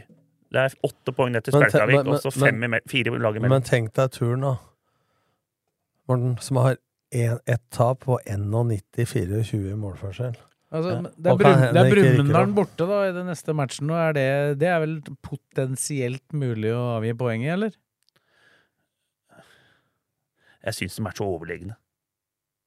Turn og Hønefoss, men Gavik ikke poenget. Det er eh, HamKam kom med kanonlag mot eh, Hønefoss, ble 2-2. Ja. Og da så jeg Men, nå, men nå, hvis de skulle klare å spille uavgjort mot Brumunddal, da, så vil de jo allikevel øh, være nødt til å vinne den siste, og da vil de rykke opp på Ja. bedre målforskjell. Ja. Antagelig. For de to, siste, de to siste er jeg vondt for å tro at uh, Eidsvoll-turen ikke tar. Molde to borte, og øh, hvem var det siste de hadde hjemme? Volda, tror jeg. Volda er hjemme, ja. Den ja, siste. Volda er jo planker. Men de har vel 14 mål nå, vel bedre, tror jeg, enn uh... Det skal, de skal jobbe litt for å ta igjen det, Hønefoss. da. Ja. Men uh, de slipper jo inn færre mål, Hønefoss, enn det Ja. turen har gjort i det siste. da. De har 71-14, tror jeg. Eller i hvert fall 14 baklengs, og turen har 24. Men de har skåret litt over 70 mål, men uh, turen har 91. 91-24, hvis jeg husker riktig. Og noen av 70 14. Hønef Hønefoss har også en Brumunddal, men de har dem hjemme. Og så har de Volda hjemme, Men og så har de Raufoss to borte. Hva er målforskjellen? Har du den der? Ja, den er 91-24 på turen. Ja. Uh, 67-14. 67 er under 70, ja. 67. Ja, og så er det jo Lørenskog da, som har sikra på en måte annenplassen i avdeling 6 med 46 poeng, men der er jo Follo klare med 60. Etter det tapet for Follo der, så, Ja, så- har det vært ganske ja. uinteressant. Ja, men Follo fortjener å rykke opp der, så klart. Sånn som Lyse Kloster og de laga der. Det er, Det, er- det er, har jo stort sett, stort sett vært Det er ganske suverene lag i flere avdelinger Ja, her. men da. du ser at Så er det bare, dessverre for turen sin del, to suverene i Ja. den avdelingen. Men du ser Nordstrand, da, som har vært i toppen og kjempa med Lyn om opprykk. I fjor, ja. Ja. eh, Etter at eh, Follo har stikket av, så har ikke Nordstrand har hatt dårlige resultater. Så det er noen som har eh, Men det, satt, det blir vel sånn når du ser Follo liksom gi 9-12 poeng foran, så gir du faen, ikke sant? Det er, det er jo bare, først, det er bare ett lag som rykker opp, ikke sant? Det er i hvert fall ikke like lett å komme opp på toppnivå, Ja. da. skulle nesten vært en sånn kvalik der, vet du, for og tredjelaga. Og så skulle du hatt opp et lag For den tredjedivisjonen er Jeg har spilt, spilt kvalik mot noen av de som ligger nederst i Post Nord-ligaen, andredivisjon. ja, Sånn som det er mellom Post Nord og Obos. Ja. Det er jo kanskje den eneste. Så at det, hvis, hvis du er så uheldig at du kommer med et helt Ja. suverent lag, da, så er liksom, er liksom ikke Ja. sesongen noe verdt. Ja, men se Turn og Hønefoss da, som eksempel. Det kan, det kan rykke ned tre, mener jeg, fra Obos. Og så én kvalik fra Obos. Og så kan du ha én sånn ett opp fra hver eh, avdeling i andredivisjon. Og så bare den dominoeffekten ned til trea òg. Så du kan Men- få Ja, men opp et bør ikke dra inn Obos i det. Nei, men nå- for du kan ha det Ja. Altså de, de som blir nummer tolv, er det vel, da? Ja.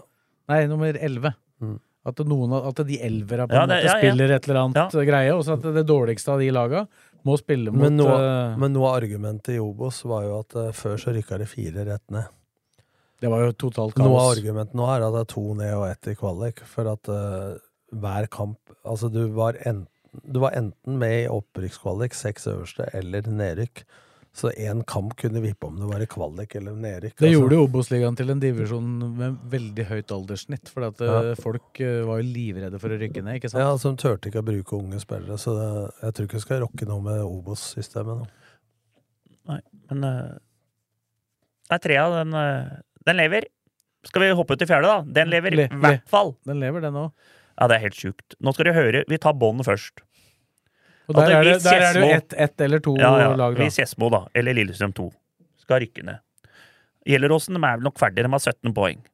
De er i bånn. Ja, de kan jo snu, da, som jeg meldte her, som ikke skjedde, da. Og vinne resten, liksom. Så kan de faktisk klare seg. For at her ligger Kløfta med 23 Nei, Raunes-Årnes 24. Kløfta 23. Eidsvollturen 2 23. Strømmen 2 23. Dem fire, hvis Skedsmo eller LLSK2 rykker ned, så er det ett av disse laga. Ja. Og Og Gjelleråsen har 17. Så dem ser jo ikke på disse her tenker på Gjelleråsen er ferdig, tenker de, men de følger jo med på tredjedivisjon. De er mer opptatt av ja, hvordan går med Skedsmo og LSK2, dem. de de, de, de er nesten mer interessert i det enn å spille her sjøl. Ja. Ikke sant? Så det er litt spenninga her i bånn der. Men, Da, men, men det er klart, tar du et poeng eller tre der, da, så, så klatrer du jo vekk fra den gruppa, da. Og så har jo den Sørumsand har gått på den smellen som Rælingen gjorde i fjor. At de tapte bare tapte ti matcher etter ferien. Sørumsand siste seks, én uavgjort og fem tap på rad. Han skulle jo bare stille topp av laget i de viktigste kampene, han når han møtte Løvenstad her i våres. Coaching i verdensklasse. Så, så Sørumsand er ferdig med dette, prata jeg om. De har to spillere som er jævla viktige når de spiller sammen. Kornbakk og Myhre, nei, og Melby. Nå har ikke de spilt sammen fem, seks, siste- nei, fire-fem siste kamper. Da blir det tap. To veldig viktig spillere for Sørumsand, og de har ikke, de fikk røde kort, karantener, og har ikke fått spilt sammen. Og det har mye å si i den divisjonen der. Spill, enkeltspillere i fjerdedivisjon. Fantastiske, noen av dem, og veldig viktige. Så Aurskog-Hølland ti seire og én uavgjort på elleve siste. Kan ikke du, så få oss som følger med med skråblikk, hvem leder nå tabellen? Aurskog-Hølland 47, leder med to poeng på Ullskisa 2, 45. Rælingen 44. Eidsvoll IF 41. Eidsvoll IF møter Aurskog-Hølland i dag, på Bjørkelangen. Må vinne den matchen for å være med i opprykket. Og det er én som rykker opp? To? En, en, en som rykker opp. Hø- Tar Hølland Eidsvoll hjemme i dag på Bjørkelangen, så tror jeg det er eh, Hølland som tar det. For da veit du at i neste runde så er det Rælingen mot Ullkisa 2 Ja. i Marikollen. Mm. Så De to kampene som er nevnt her, de sendes da på rb.no. Tapte ikke. Eidsvoll IF mot et uh, Løvenstad her nå? Jeg trodde opprykket deres glapp da, ja. Nei, så de har spilt uavgjort nå sist. Jeg skal bare sjekke her. Så ikke jeg De har drevet avgitt mye poeng. De kunne ha vært Ja, helt de er litt sånn der. ullskisa, de. To. De har liksom avgitt poeng mot uh, antatt dårligere lag. De tapte mot Ullkisa 2 etter å ha leda. Tapte 2-1 mot eh, 2. Ja, så tapte de mot Løvenstad. Og så slo de Haugeseter 5-2. De har ikke tapt uh... Tapte mot Løvenstad. det, kan, det var en match her de eh, Det var en match her som var spilt før. Det er litt sånn med at ble avlyst og sånn. Men jeg, nei, de Jeg, tapte jeg mener at de tapte mot Løvenstad, men det kan dere jo sjekke. Kan jeg sjekke her. Så ikke jeg Men samme det, at samme det, de må vinne over Aurskog Høland i dag hvis de skal være med. Ja, det er ikke noe tvil om.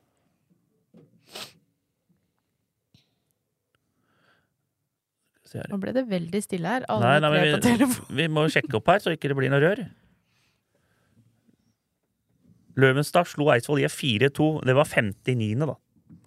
Det er noen kamper siden. Ja, det, så du, du ligger litt eh, Du var kanskje men det var riktig, da. Det riktig. Ja, det var riktig. Så nå er det Eidsvoll Ikke så lenge siden, da. Men Eidsvoll IF har jo på en måte Aurskog Hølland, hvis de vinner en dag, så har de Kløfta hjemme, som de bør ta, og så har de Raunes Årnes borte, som de bør ta. Men du får komme med noen grønne, her, meldinger her, da. Hva er grønt her? Nei, jeg tror Aurskog Hølland tar det, og det sa jeg før sesongen, da. Så, Du har endra litt underveis, da. Nei. Jo, underveis så, så sa du at det var et bom. Ja. Men jeg, jeg, en, jeg la ut en tweet her Jeg at foreslår at du hører på noen av Men, de eh, episodene vi har spilt For. Jeg tror jo ingen Det er mange som melder at uh, den der avdelinga på Romerike er så, er så jævla bra i fjerdedivisjon. Jeg er jo ikke enig i det. Og dette kan Nordli være enig i òg. At når vi Du hadde jo Skeid 2 i Oslo, og de, jeg så de laga. De var bedre enn alle de laga som uh, spiller i, på Romerike her. Og det er flere lag. Du har Heming. Jeg husker den spilte treningskamp mot Skedsmo. Vant 4-2 og var klart mye bedre oppå Skedsmo før den sesongen Skedsmo rykka opp. Jeg husker, jeg Det er Oslo-lag. jeg husker du da vi var og kommenterte Løvenstad mot Du er Sørumsand, så, var du- så var du imponert over nivået. Ja, altså jeg, jeg har ikke fulgt med nok, men jeg ble litt overraska over hvor godt trent folk var, og tempo mellom Sørumsand og Løvenstad. Så det blir jo en evig debatt da, om det er jevnt er et svakhetstegn, eller, eller det motsatte. Jeg tenker sånn at jeg tror at de beste laga i Oslo er bedre, men jeg tror serien i Oslo er mer ujevn. Du Det er har, enig. Du har noen lag der som er helt buljong, det har Ja, ja. du ikke i, Nei, på. Romerike. Men sånn som i den ene avdelinga i Oslo, da, de har tre forskjellige avdelinger, tror jeg. Der har jo Heming, Reddy, Gryner. Gode lag. Det var et par andre der også som er gode. Og så har det andre Har ikke Gryner bare vært eh, kram snø når de har vært oppe, som du kaller det? Jo, jo, men eh, nå ligger de eh, på femte-sjetteplass. Men jeg har sett den avdelinga der. Og så har du Skjels- Skjelsås 2, gode. Skei 2, gode. Sånne lag de er bedre i Oslo. Skei 2 er i trea, da, men Er ikke Kjelsås 2 det òg? det veit jeg ikke. Nå var det i fjor, i hvert fall. Ja, men, men, men når de spilte, husker Ja. jeg, når, Ja. med Nordlien når de var i fjerde, så var de kanongode, vant 10-0 og Greit at det er de dårligste der. Det er mulig, Kanskje den Romerike er jevnere, men den er ikke, det er ikke sånn at fem lag der klarer å holde seg så- lett i tredje divisjon. Se altså- Skedsmo nå! Men Det er rett ned, kanskje. Men vi rykka opp i 2018 med A-laget til Obos. al- Altså 17. Ja. Så rykka vi opp med rekruttlaget òg. Skeid 2, da, da brukte jo vi de meste av spillere, bortsett fra nummer 12-13 som skulle spille kamper etterpå. da. Han Ismail som spilte, var leid ut av Vålerenga, som er proff nå, spilte jo Lagde 30 mål eh, på det laget. Så Ja. vi brukte jo da stort sett alle reservene, bortsett fra et par da som skulle være aktuelle for Men jeg er ganske sikker, sånn som Samme hvem som rykker opp eh, fra den fjerdedivisjonsavdelinga i år, så er jeg nesten helt sikker på at det er i trea. Det kommer an på hvilken alder de kommer i. Ja, du, ja. Kan jo komme, du kan jo være garantert å få ett fjerdedivisjonslag fra Nord-Norge bak Ja, og da er det ett bak deg. Er. Hammerfest null poeng. Ja. Men der tok jeg òg at de, det er for dårlig bakover i, disse, i den fjerdedivisjons... De har de har sluppet inn 37 mål, Aurskog Høland, som har ledet tabellen. Det er Men så, nesten men så to i er det, snitt. og så er det i det øyeblikket du rykker opp, da, så må du ta et valg, da. Og da må du jo som regel trene mer. Ja, du må det. Ja. Men de- Aurskog Høland det er den beste laget offensivt. Men Forsvaret det er ikke noe bedre enn eh, alle andre lag.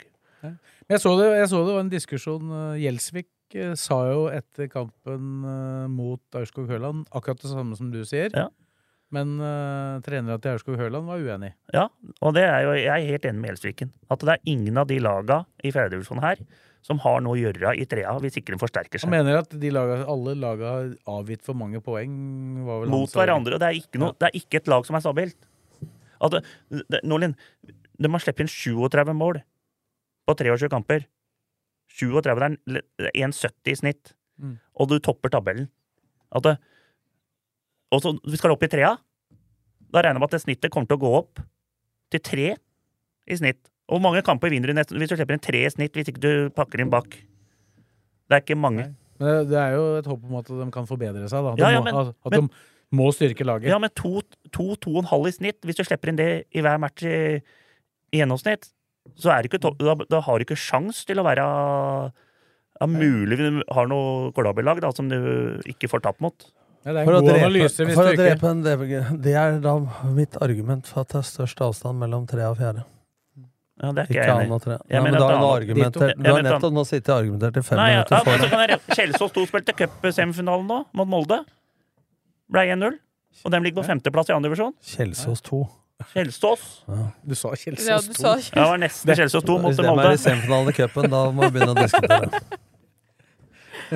Nei, skal vi si at Men- det er bra? Men eh, ja, altså det er jo Ja, femte. Å ja, vi må jo Ja, møtte Bjerke. Det var jo et litt, sånn- litt tenning i det oppgjøret, for det var Bjerke som uttalte at dere ikke var noe opprykkslag.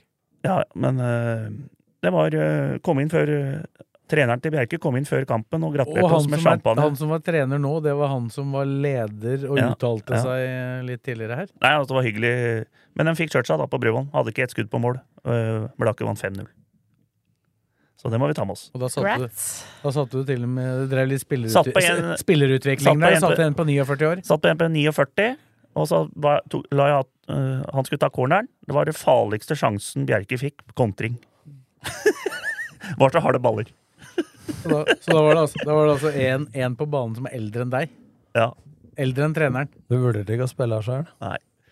Men uh, der er står jo Nå tror jeg Skjetten 2 tar den uh, andre Den andre plassen og opprykk der. Gjerdrum har vært jævla gode. Kanskje dem som fortjener den etter uh, spill og etter ferien. Men eh, jeg tror Skjetten dem har, eh, slår Aurskog Finstadbru borte i, i morgen. Og så har de eh, Raunes Horners i to siste. Så de har vel én kamp imellom der òg, men hvis, jeg tror de tar tolv poeng, og da er de klare. De har ett poeng forsprang på Edrum. Ja, ja. Så har du fått den nå. Ja. Da tror jeg vi sier det er bra, ja. Takk til Karina, takk til Tom, og takk til Fredrik. Takk til deg som hørte på. Og vi er plutselig tilbake om ei uke. Ukens annonsør er HelloFresh. HelloFresh er verdens ledende matkasseleverandør og kan være redningen i en travel hverdag. Mange av oss har nok vandret i butikken både sultne og uten en plan for middagen, som ender med at vi går for de samme kjedelige rettene gang på gang.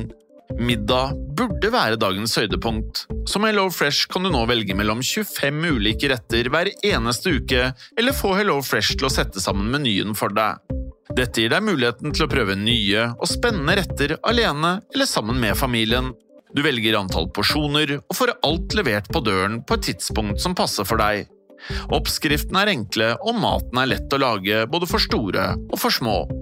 Ved å få alt levert hjem får du også mer tid til å dele matgleden med familie og venner. Kanskje det frister med asiatiske tacos eller greskinspirert kylling? Da kan jeg anbefale deg om å gå inn på hellofresh.no. Her kan du bruke koden FOTBALL og få opptil 1779 kroner i rabatt på de første fem matkastene hvis du ikke har prøvd HelloFresh tidligere. Du kan også bruke rabatten hvis du har vært kunde og stoppet abonnementet ditt for tolv måneder siden eller lengre. Gå inn på hellofresh.no og bruk koden FOTBALL.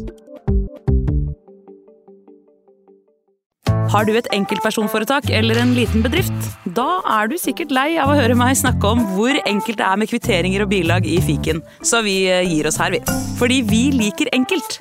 Fiken superenkelt regnskap.